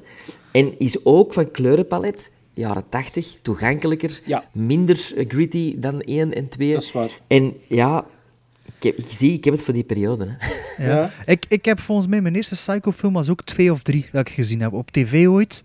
En dan pas de originele. Ja. En, eh, ja, ik, eh, maar ik geloof dat die ook cr- critics, allee, critically acclaimed zijn, ook, zo, die vervolgen. Wel, de Dan drie- die best, dan die best wel ook oké zijn ontvangen zijn. ze. Ja, die zijn oké. In de 3 zit een geweldige scène met een ijsbak. Dus een bak waar dat zo eh, crushed ice in zit. Ja. Waar dat hem dan dus eh, eh, lijken in stopt en die, die- dat ijs wordt helemaal rood. En die, Ja, ja. die, die, een kop, die pakt er zo een grabbel uit en die steekt dat in zijn mond.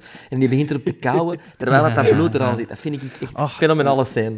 Nu, ik- nu had hij over ijs bezig zit, de Omen 3 had ik er eigenlijk ook wel kunnen inzetten. Damien. Oh, ah nee, de final, de final chapter is dat, hè? ja, de final Ja, chapter. ja. Dus als Dat is met Sam Neill, hè, als Dat is als president. die, hè. als die, in, eh, als die in het leger zit, hè. De, Nee, eh, dat is de Omen 2, hè. Dat is, Ja? ja, De? Omen 2 zit hij in het leger, Omen 3 is met een volwassen Sam Neill en die is dan presidentskandidaat, Ja. of die wordt president, hè. Ah, ja, ja, en je hebt dan nog die Omen 4 Met een dochter of zo. met een meisje, een natuurlijk. meisje. Ja, ook weer zoiets belachelijks. Ja. Ehm, En dan de, de reboot, hè. ja, maar ja, daar gaan we ook wel over zwijgen misschien. En Wil je nog mentions? Ja, ik had, ik had Back to the Future ook. Allee, ik zeg het, hè, ik, ik, ik was gewoon direct afgegaan op de vijf franchises die mij te binnen schoten. En eh, de welke uit de boot gevallen zijn, zijn dan Back to the Future en Star Wars. En zeker Star Wars had ik verwacht van een van jullie. Maar daar heb ik mij dus schrobelijk in vergist. Oh ja, ja, keuzes maken. Hè. Absoluut. Sta- Return of the Jedi beter of Born Ultimatum? Maar ja, over, het algemeen gezien, eh, over het algemeen gezien vind ik dat eh, eigenlijk redelijk verrassend zelfs, onze, onze films. Ja, en dus- ik heb Good and Bad and the Ugly nooit bekeken als een trilogie, dus ik heb zeker iets Ah, kijk, bijgeleerd. ja. Ja, ja. ja, ik kan die, die... Ja, dat is voor mij is dat één, is dat één franchise, is dat trilogie.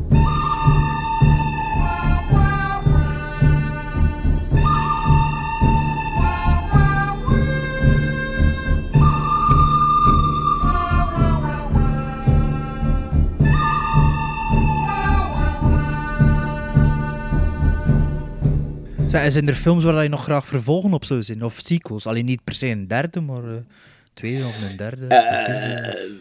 Eh, ik, ik, ik, ik weet dan, ik, was het nu aflevering 1 of 2? Nee, in deze aflevering haalden we dat heel, heel snel even aan, wat dat we vonden van franchise of franchises die mogen stoppen. Ehm, ik, ik heb altijd liever dat een franchise verder blijft gaan. Van mij mogen er nog 26 Hellraisers komen. Ehm, liever dat dan dat er weer een, een, een remake of een reboot zit aan te komen. Dus... ehm, Ik, ik, ik, ik heb ook het- liever sequels dan reboots. Ja, ik ook. Ja. Of Dat kan- remakes, absoluut. Ja, laat Ja. het allemaal verder kabbelen en Vind als het plots weer goed is, zullen we het wel Ja. horen. Zo. Wat je hebt dat bij ook- Friday the 13th zit er ook niet eens terug een goede tussen. Bij Halloween Ja. ook. Halloween Ja. 4 en 5 vind ik als ene film gezien ook wel lekker aangenaam. Ja, ja, Ja. Het, is, het is natuurlijk eh, ja, waardiger om, om, om zo verder te kabbelen en dan... En gaat, op, ga, gaat dan toch ga gewoon op zoek naar een, een originele insteek gewoon weer. Ehm, liever dan dat je weer iets rehashed die al gemaakt is. Ehm, ga gewoon op zoek naar iets Voilà, leuks. En dat is wat Joe Dante aan het doen is, want hij is bezig met een Gremlins 3.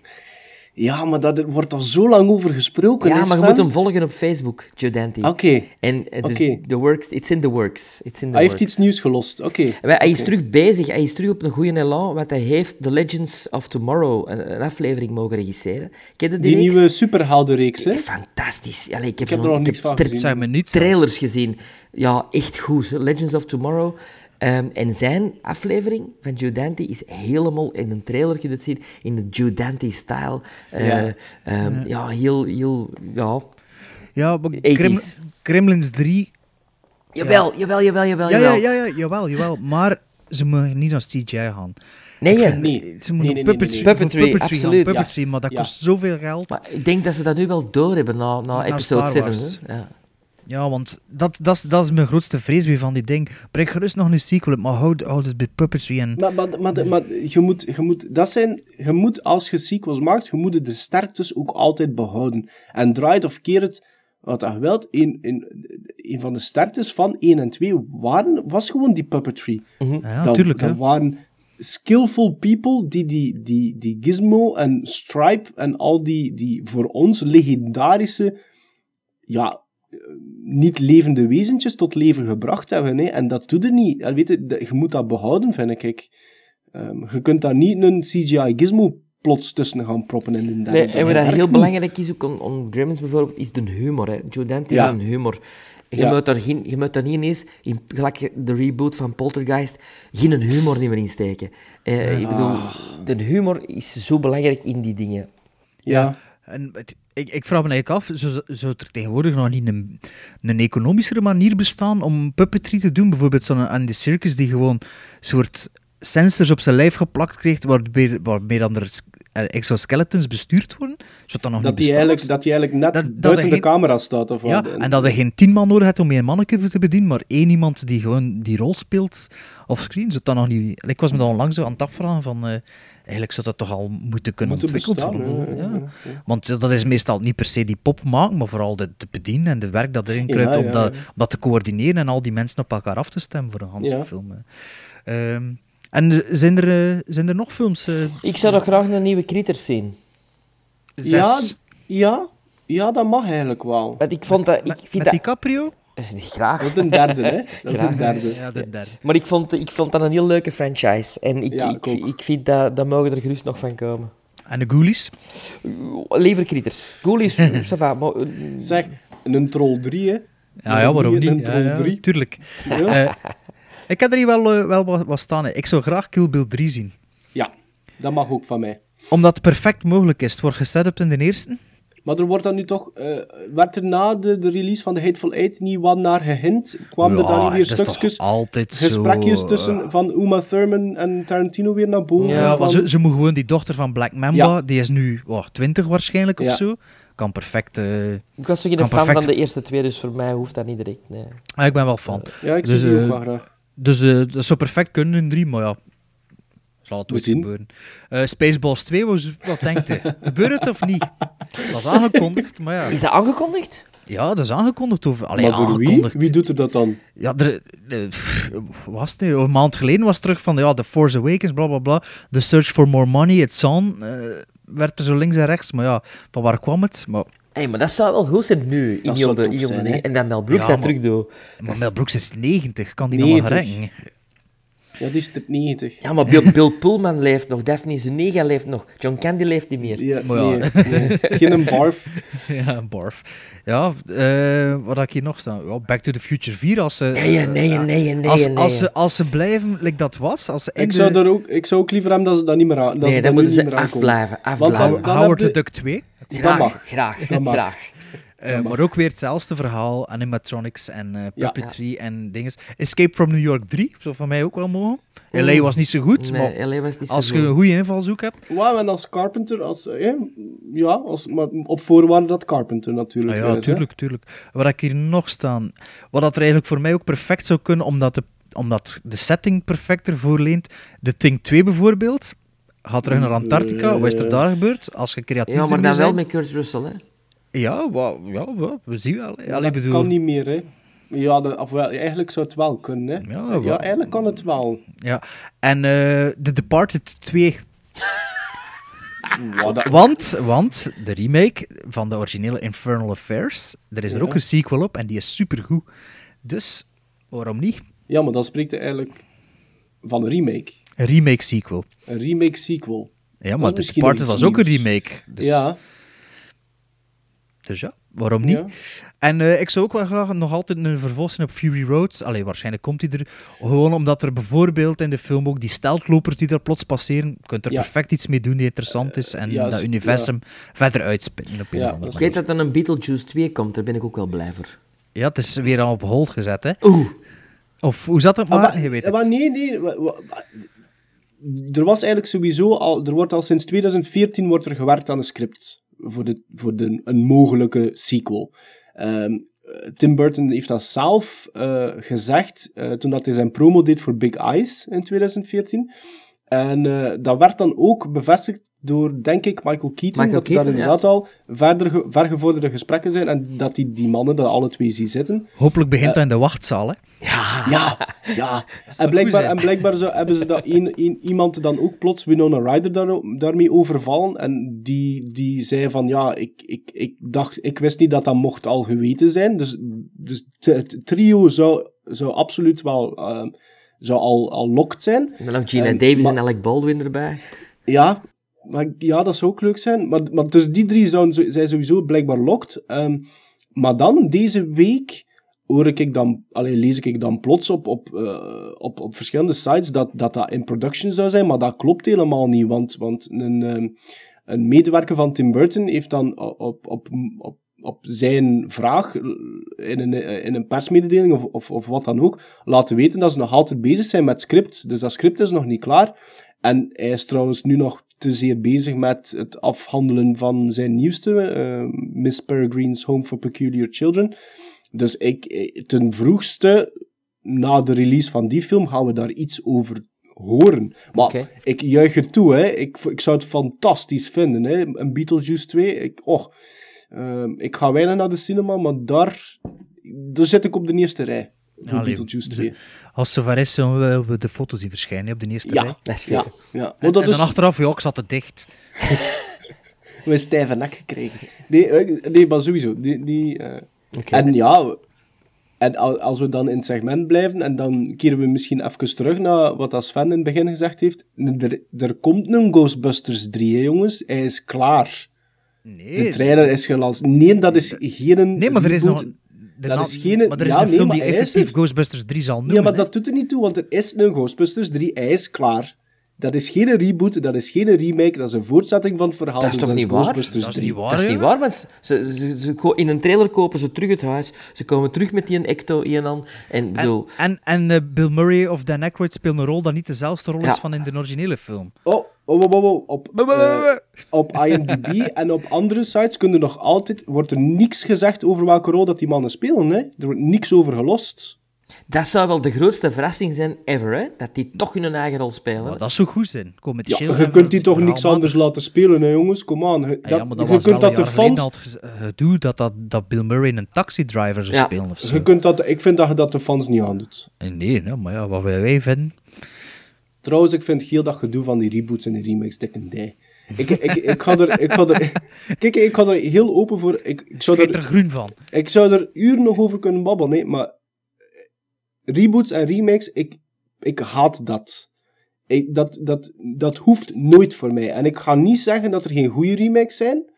Echt niet. Ik, ik heb zelf daarover nagedacht. Dus ik heb zelf al titels opgeschreven dat ik goede remakes vind. Maar Er zijn er nee. weinig, hè? Weinig goede remakes. Ja, meer dan dat het vindt. Dat het zo Je denkt, moet toch zo. alleen een remake maken als het origineel niet goed was, hè? Ja, maar ik maar vind... zelfs dan nog, zelfs, ik weet het niet, van, zelfs dan nog, die hebben allemaal. Je hebt. Het hangt er een beetje, ook inderdaad een beetje vanaf. Gaat het over een remake? En, en voor mij een remake is een film die opnieuw gemaakt wordt. Of gaan we terug naar het bronmateriaal? Dus bijvoorbeeld een roman, een boek. En Ah, ja, daar maar dan is, dat is iets anders, hè? Ja, maar waarom... Ja, Ik dat vind weet ik dat niet. Dat wordt, dat, wordt, dat wordt vaak samengesmeten allemaal. Zo. Ah, wel, dat is juist, bijvoorbeeld- maar er moeten verschillen in gemaakt worden. Ja, Dus, eh, want- Shakespeare is ook al meer of één keer gemaakt. hè. Ja, plus je kunt bijvoorbeeld niet zeggen dat alle Dracula-films die al gemaakt zijn, die gebaseerd zijn op Bram Stoker's boek, dat dat allemaal remakes zijn van 1931 met Dat is Bela. Lugosi. Hè? Dat is juist. Dus je moet daar een klein beetje een onderscheid in maken. Ehm, maar dat wordt vaak samengehaspeld, maar de, de makers zelf zijn ook niet bezig met dat onderscheid. Hè. Je hebt nu bijvoorbeeld al jaren eh, lang dat er een remake van The Crow eh, wordt aangekondigd. En er is dan nu al iets wat van casting, maar dat, productie, die productiefirma is failliet of zo, dus dat, dat, dat zit een beetje in limbo. En die zeggen van ja, maar we gaan een remake maken, maar het is opnieuw beter, meer gebaseerd op, het, op de graphic novel. En dan doen ze casting en dan zit er een vrouw tussen die eigenlijk een man is in de graphic novel. En allee, weet je wat, het is allemaal zo dik en kwatsch en dik en dij en dat Maar hoeft dat allemaal niet. hè. Wat, er, er- er speelt geen vrouw in de, in, in de graphic novel, in de, in de bende van... van dus, dus je hebt... Allee, ik wil niet te veel in details treden, want ik weet niet of dat de, de luisteraars daar allemaal zoveel van weten, maar The Crow is dus gebaseerd op een graphic novel van James O'Barr. Ehm, een heel goed eh, graphic novel trouwens. Eh, dus als je daar fan van bent, moet je dat zeker een keer kopen of lezen. Eh, en dat gaat over een bende die, die twee personen vermoordt. En de, de, de man eh, keert een jaar later terug uit de doden. Dat gaat op revenge eigenlijk, een revenge spree. Ehm, en plots wordt Top Dollar, een heel belangrijk personage in, in de graphic novel, zou nu vertolkt bijvoorbeeld worden door een vrouw. Dan heb ik zoiets van, zeg nooit dat je trouwer gaat zijn aan die graphic novel als je zoiets doet. En ik, pas op, hé, ik, ben, ik ben niet vrouwenvriendelijk hier, hè. Geen sens. Maar ik gruwel al alleen al van het feit dat er daar een remake van komt. En dan doen ze die holle uitspraken. En dan heb ik zoiets van wie. Ik, ik zeg het, ik zou er uren over kunnen blijven doorgaan. En voor mij gaat dat ook een beetje hand in hand met de, de, de gemakzuchtige maatschappij van tegenwoordig, eh, die, die, die het nodig acht van dezelfde film voor een nieuwe generatie. Daar gruwel ik dus ook Jawel, van, hè, dat van vind die ik zin. Hè. Ja. We Ah, wel, moeten ik- het doen voor de nieuwe generatie. Ik vind, je hebt bijvoorbeeld een paar jaar geleden heb de Friday Night die opnieuw eh, gemaakt geweest is. En ik snap, ja, en ik snap, ik vond dat ook een slechte film. En ik snap dat de marktwaarde van Colin Farrell groter is, zelfs vroeger van Chris Sarandon, alhoewel dat die toen ook wel be- serieuze bekendheid had. Hè. Dat, dat ontken ik niet. Maar blijf daar toch gewoon met je fikken van. Ja, wat, wat, biedt dat nu voor meerwaarde dat je daar... En, en, en, en, en de nieuwe generatie, dat zit hem dan omdat die met zijn gsm dan probeert in te breken, dat hij op zoek is hoe dat hij een slot moet forceren. Dat is dan de meerwaarde voor de nieuwe generatie, dat hij een iPhone bij hem heeft, of een smartphone. Ja, ik, ik- nee. Nee, ik, ik, ik haat remakes. dat is duidelijk. Ja. nee, ik, we, heb- we- ik heb we er kunnen eens opzommen, hè Bart. We hebben, we hebben het er even over gehad, eh, al, al, eh, de voorbereiding hier. Je hebt bijvoorbeeld inderdaad een, een The Thing hè, van John Carpenter. Het is eigenlijk ook een remake. Ja, maar dat dat is- is een, dat is een ander soort remake. Ja, vonden, vonden mensen dat, die onze leeftijd hadden in 1980 ook? Ik hoop van wel. Ja, maar ja. Ik hoop dat er toen ook mensen waren die mijn mening toegedaan waren. Dat hoop, Ja. ik, dat, dat hoop ik echt. Ja, maar ik vind, ik vind, ik neem al die crap er graag bij voor de goede die eruit komen eigenlijk. Absoluut. We, weten, vind ik dat, dat The Thing van John Car- Carpenter een meerwaarde is voor het horrorlandschap? Natuurlijk. Natuurlijk, dat staat als een paal boven water. Maar dan probeer ik daar toch een kleine nuance in te leggen, want The Thing is zogezegd een remake of, van The Thing from Another World. Maar het monster daarin is helemaal anders. Hè. Dat is geen soort van shapeshifter. En dat is gewoon een alien die daar rondloopt. Hè. Ja, ja, ja. Eh, je hebt hetzelfde kunnen zeggen bijvoorbeeld van de remake van The Fly van Cronenberg. Dat vind ik ook een bijzonder geslaagde remake. Maar in, in, in, in, in, in de originele film, eh, weet je, dat is een wetenschapper die komt uit zijn teleportatie-device nadat hij gefused is met die vlieg. En die heeft een vlieg in kop. Hè. Dat, is, dat is immediately. Dus, en Cronenberg heeft daar een hele andere aanpak, zet dat in een volledig andere setting. eh, doet daar eh, maatschappelijke kritiek aan, voegt daar maatschappelijke kritiek, kritiek aan vast. En eh, doet daar een metamorfose van Jeff Ja, Goldblum. ja. Sorry, hè, dat is fantastisch. Dus ik, ik, het is niet omdat ik vind dat dat goede remakes zijn, dat ik daar misschien iets, een soort van nuance aan vast wil houden. Maar er is een reden waarom dat, dat goede remakes zijn dan ook. Maar ja, heeft dat ook niet meer met de regisseur te maken die het in handen krijgt en die, er, die ermee aan de slag mag, dan, dan wat, eh, ja... pff. Ik weet het niet. Ik weet het niet. Ik weet het niet. Ik hoop nog altijd dat eh, regisseurs waar dat er iets in zit, dat die nog altijd liever met iets origineels aan de slag gaan dan iets opnieuw willen doen. Ja, maar er zijn misschien ook wel veel regisseurs die slechte dingen gezien hebben waar dat ze het potentieel van inzien en zeggen, als we dan nu een keer zo, like eh, Masters of the Universe bijvoorbeeld, dat is, ja, dat is een franchise waar dat er eigenlijk heel veel uit te halen valt, dat de ene keer geprobeerd is en mislukt is. Maar, maar doet dan, doet dan, maakt een sequel? Maakt een sequel? Ma- sorry Ja, dat ik het zeg, Bart, Masters of the Universe, dat had ook niet te veel mee te maken met, met bronmateriaal. Nee, nee, nee, nee, tuurlijk niet. Dus, dus Maar- maakt, maakt een sequel? Maakt een ja, sequel? En als je nu beginnende regisseur zit en je krijgt die kans bijvoorbeeld, wil het dan al vasthangen van, ah, het is een vervolg op die film van 20 jaar geleden, en Ja, het maar heeft je er niets mee voor, te voor maken. een fanbase moet er toch Dolph Lundgren insteken. Vind ik dan. Ja, Ja. maar is er een grote fanbase van Master of the Universe? Cult ik- ik- fanbase. Canon, canon. ja, oké, ja, het is een Canon-film en het is met. Ja, oké, ja. Nee, pff, uiteindelijk... Allee, er, zijn, er zijn toch wel meer... Er meer remakes dan dat soms ook beseft, vind ik. Want eh, Dat som- van sommige films weten ze niet dat ze remakes zijn, Dat tot, tot als je ze gezien hebt. Of, dus ik vind, ja... pff, like 310 to Yuma of True Grit. Allee, True Ja. Grit, dat wist ik toen niet uitkwam wel dat het een remake was, maar had ik dat niet gelezen, ging ik het ook niet geweten hebben. En toen had je zo Ocean's Eleven en zo van die dingen, dat zijn op zich wel goede films. Oké, en- maar dat is toch altijd iets meer dan een poltergeist of een, of een omen of een, allee, ja, van die, van die, of een Ghostbusters nu. Waar ik van denk van, ja mannen, allee, ik moet Ghostbusters nog zien natuurlijk, hè, maar het voorspelt niet veel goeds. Ja, pas op. Ik kan, ik kan nog een goed oog op voorlopen. Omdat ik die... Melissa ik- McCarthy vind ik wel, wel goed eigenlijk. Ik ben die ondertussen wel al beu gezien. Ik vind verschrikkelijk. Ik dingen Kristen Wiig vind ik dan nog de enigste Ja. meerwaarde. Allee, eh. ik vond like, ehm, Spy vond ik echt een grappige film vorig jaar. Ik heb echt, Niet eh, gezien, Veel, niet gezien. veel moeten lachen. Ik ben, ik, ben, ik ben geen fan van die regisseur eigenlijk ook. Wie regisseert Eh, dat? Paul Fake. F-E-I-G. eh, ja, dat van van Bridesmaids, Bridesmaids vond ik nog te, nog te doen. Vond ik nog wel Ja, leuk. maar, en dat, maar dat is, Bridesmaids is ook de enige film waar dat hij zijn hand niet in het scenario had. En ik vond Bridesmaids, Bridesmaids werken omdat Kristen Wiig was daar heel goed in. Mhm. En dat was zo'n beetje de eerste keer dat je die Melissa McCarthy ook zag. Ja, die vond dat ik was ook zo'n beetje daarin. na haar tv. Eh, maar, als bijrol vind ik dat dan nog te doen, maar niet als lead. ja, ja. Ja, maar in, in, in Spy was echt grappig. Ik echt veel moeten lachen ermee. Ah, wel, maar ik vind dat, dat geen één film dat ik al... Want de Heat had, had die Spy, had hem de, de Heat... Wel, de eh, hit heb ik niet gezien. eh. En wel, maar ik, ik, er is, als hij meegeschreven aan het scenario, is er nog geen één film dat ik gezien heb dat ik over de Hanse runtime goed vond. En dat, dat is eigenlijk nog redelijk zacht uitgedrukt. En ik heb nu al het gevoel, ook als je naar de trailers kijkt, want er is nu een tweede ook ehm gereleased van Ghostbusters. Ah, serieus? Ehm, Eh, nee, ja. Ehm, ik, ik, ik vind het niet grappig. Ik, ik, ik vind het te... Nee, ze gaan zo Ja. op de serieus. In de eerste Ja, trailer ik ook al ik beetje op de... Op de, op de Maar ja, Ghostbusters 1 is toch ook niet grappig grappig? Ja, ik heb hem gisteren teruggezien, Bart. Die is hilarisch. Ja? Dat is een ander soort humor. Dat is een ander soort humor dat die, bevo- dat die bijvoorbeeld die Paul Feig nog niet aangetoond heeft dat hij machtig is. Wat dat Bill En- Murray doet in de eerste Ghostbusters Ja. is, is, is, super grappig. Ja. Ja, oké, maar de film op zich is toch geen, in mijn ogen niet echt een comedy eigenlijk. Wel, en Rick Maar ik Moranis. vind dat wel jawel. grappig, zo Ghostbusters. Jawel, vind dat wel jawel, grappig. Ja. maar, maar, maar, maar dat is misschien omdat je...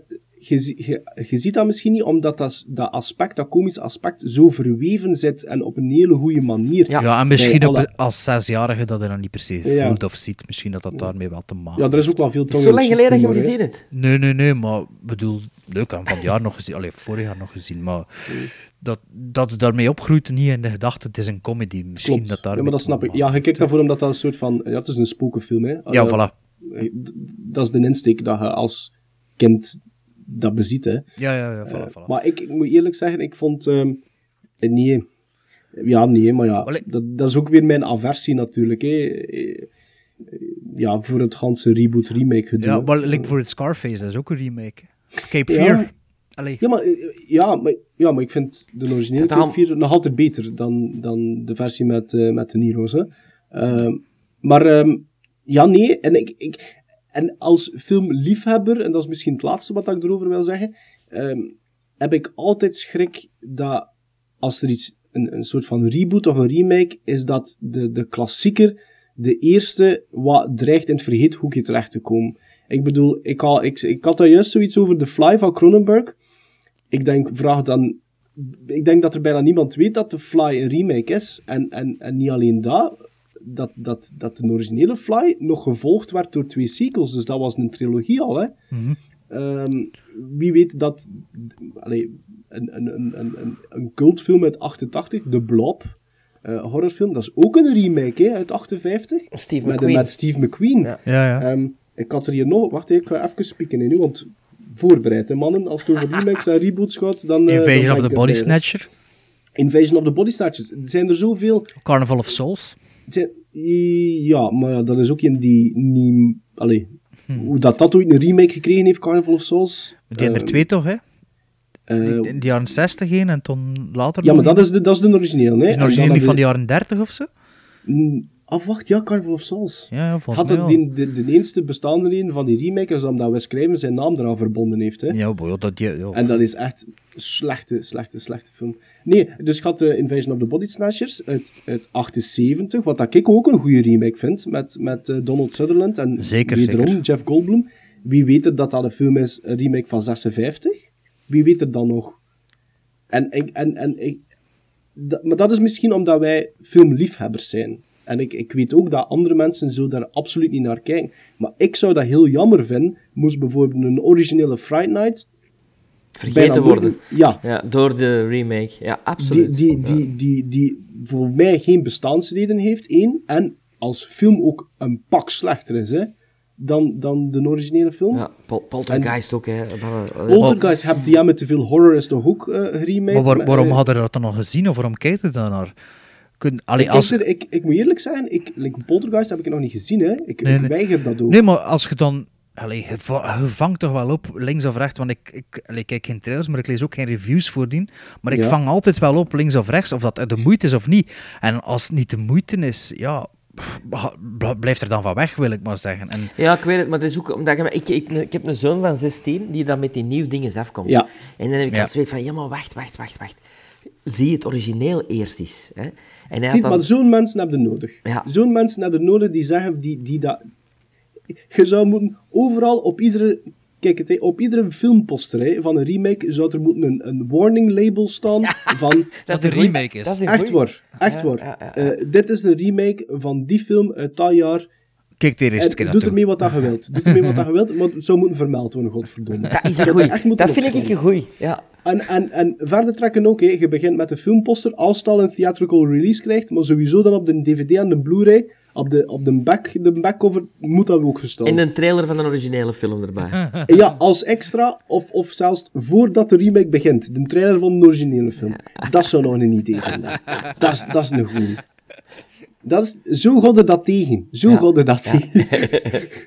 maar dus, allee, ja, sorry. Ik, ik, ik- Nee, nee, het is goed, het is goed, het is goed. En, Waarom doe je ook... Ah, ik zeg het, ik ga, ik ga door, hè. Waarom doe je dat ook? Like bijvoorbeeld... De, we, hebben- we hebben het daar juist in over A Nightmare on Elm Street gehad, de franchise. Die zaten aan zes, dan heeft Wes Craven zijn New Nightmare gemaakt, dan is er een crossover geweest, Freddy vs. Jason. Waarom komt er dan een... Ze noemden dat ook een reboot. Maar waarom doe je dat? Maak dan toch gewoon... Allee, ja. en als je die... Die is het eigenlijk dan zou het nummer 8 geweest zijn, want ja, 9 is in een crossover zo'n beetje, vind ik. Ja. Dacht ik. Ehm, dus het- net hetzelfde met Friday the 13th. Dus er staan er al zoveel sequels, Halloween. sequels van. Waar, Halloween, waarom, waarom? Maak dan toch gewoon een nieuwe sequel. Mhm. Het, dat verandert niks aan dat personage, hè? Goh ja. Ik, Ja.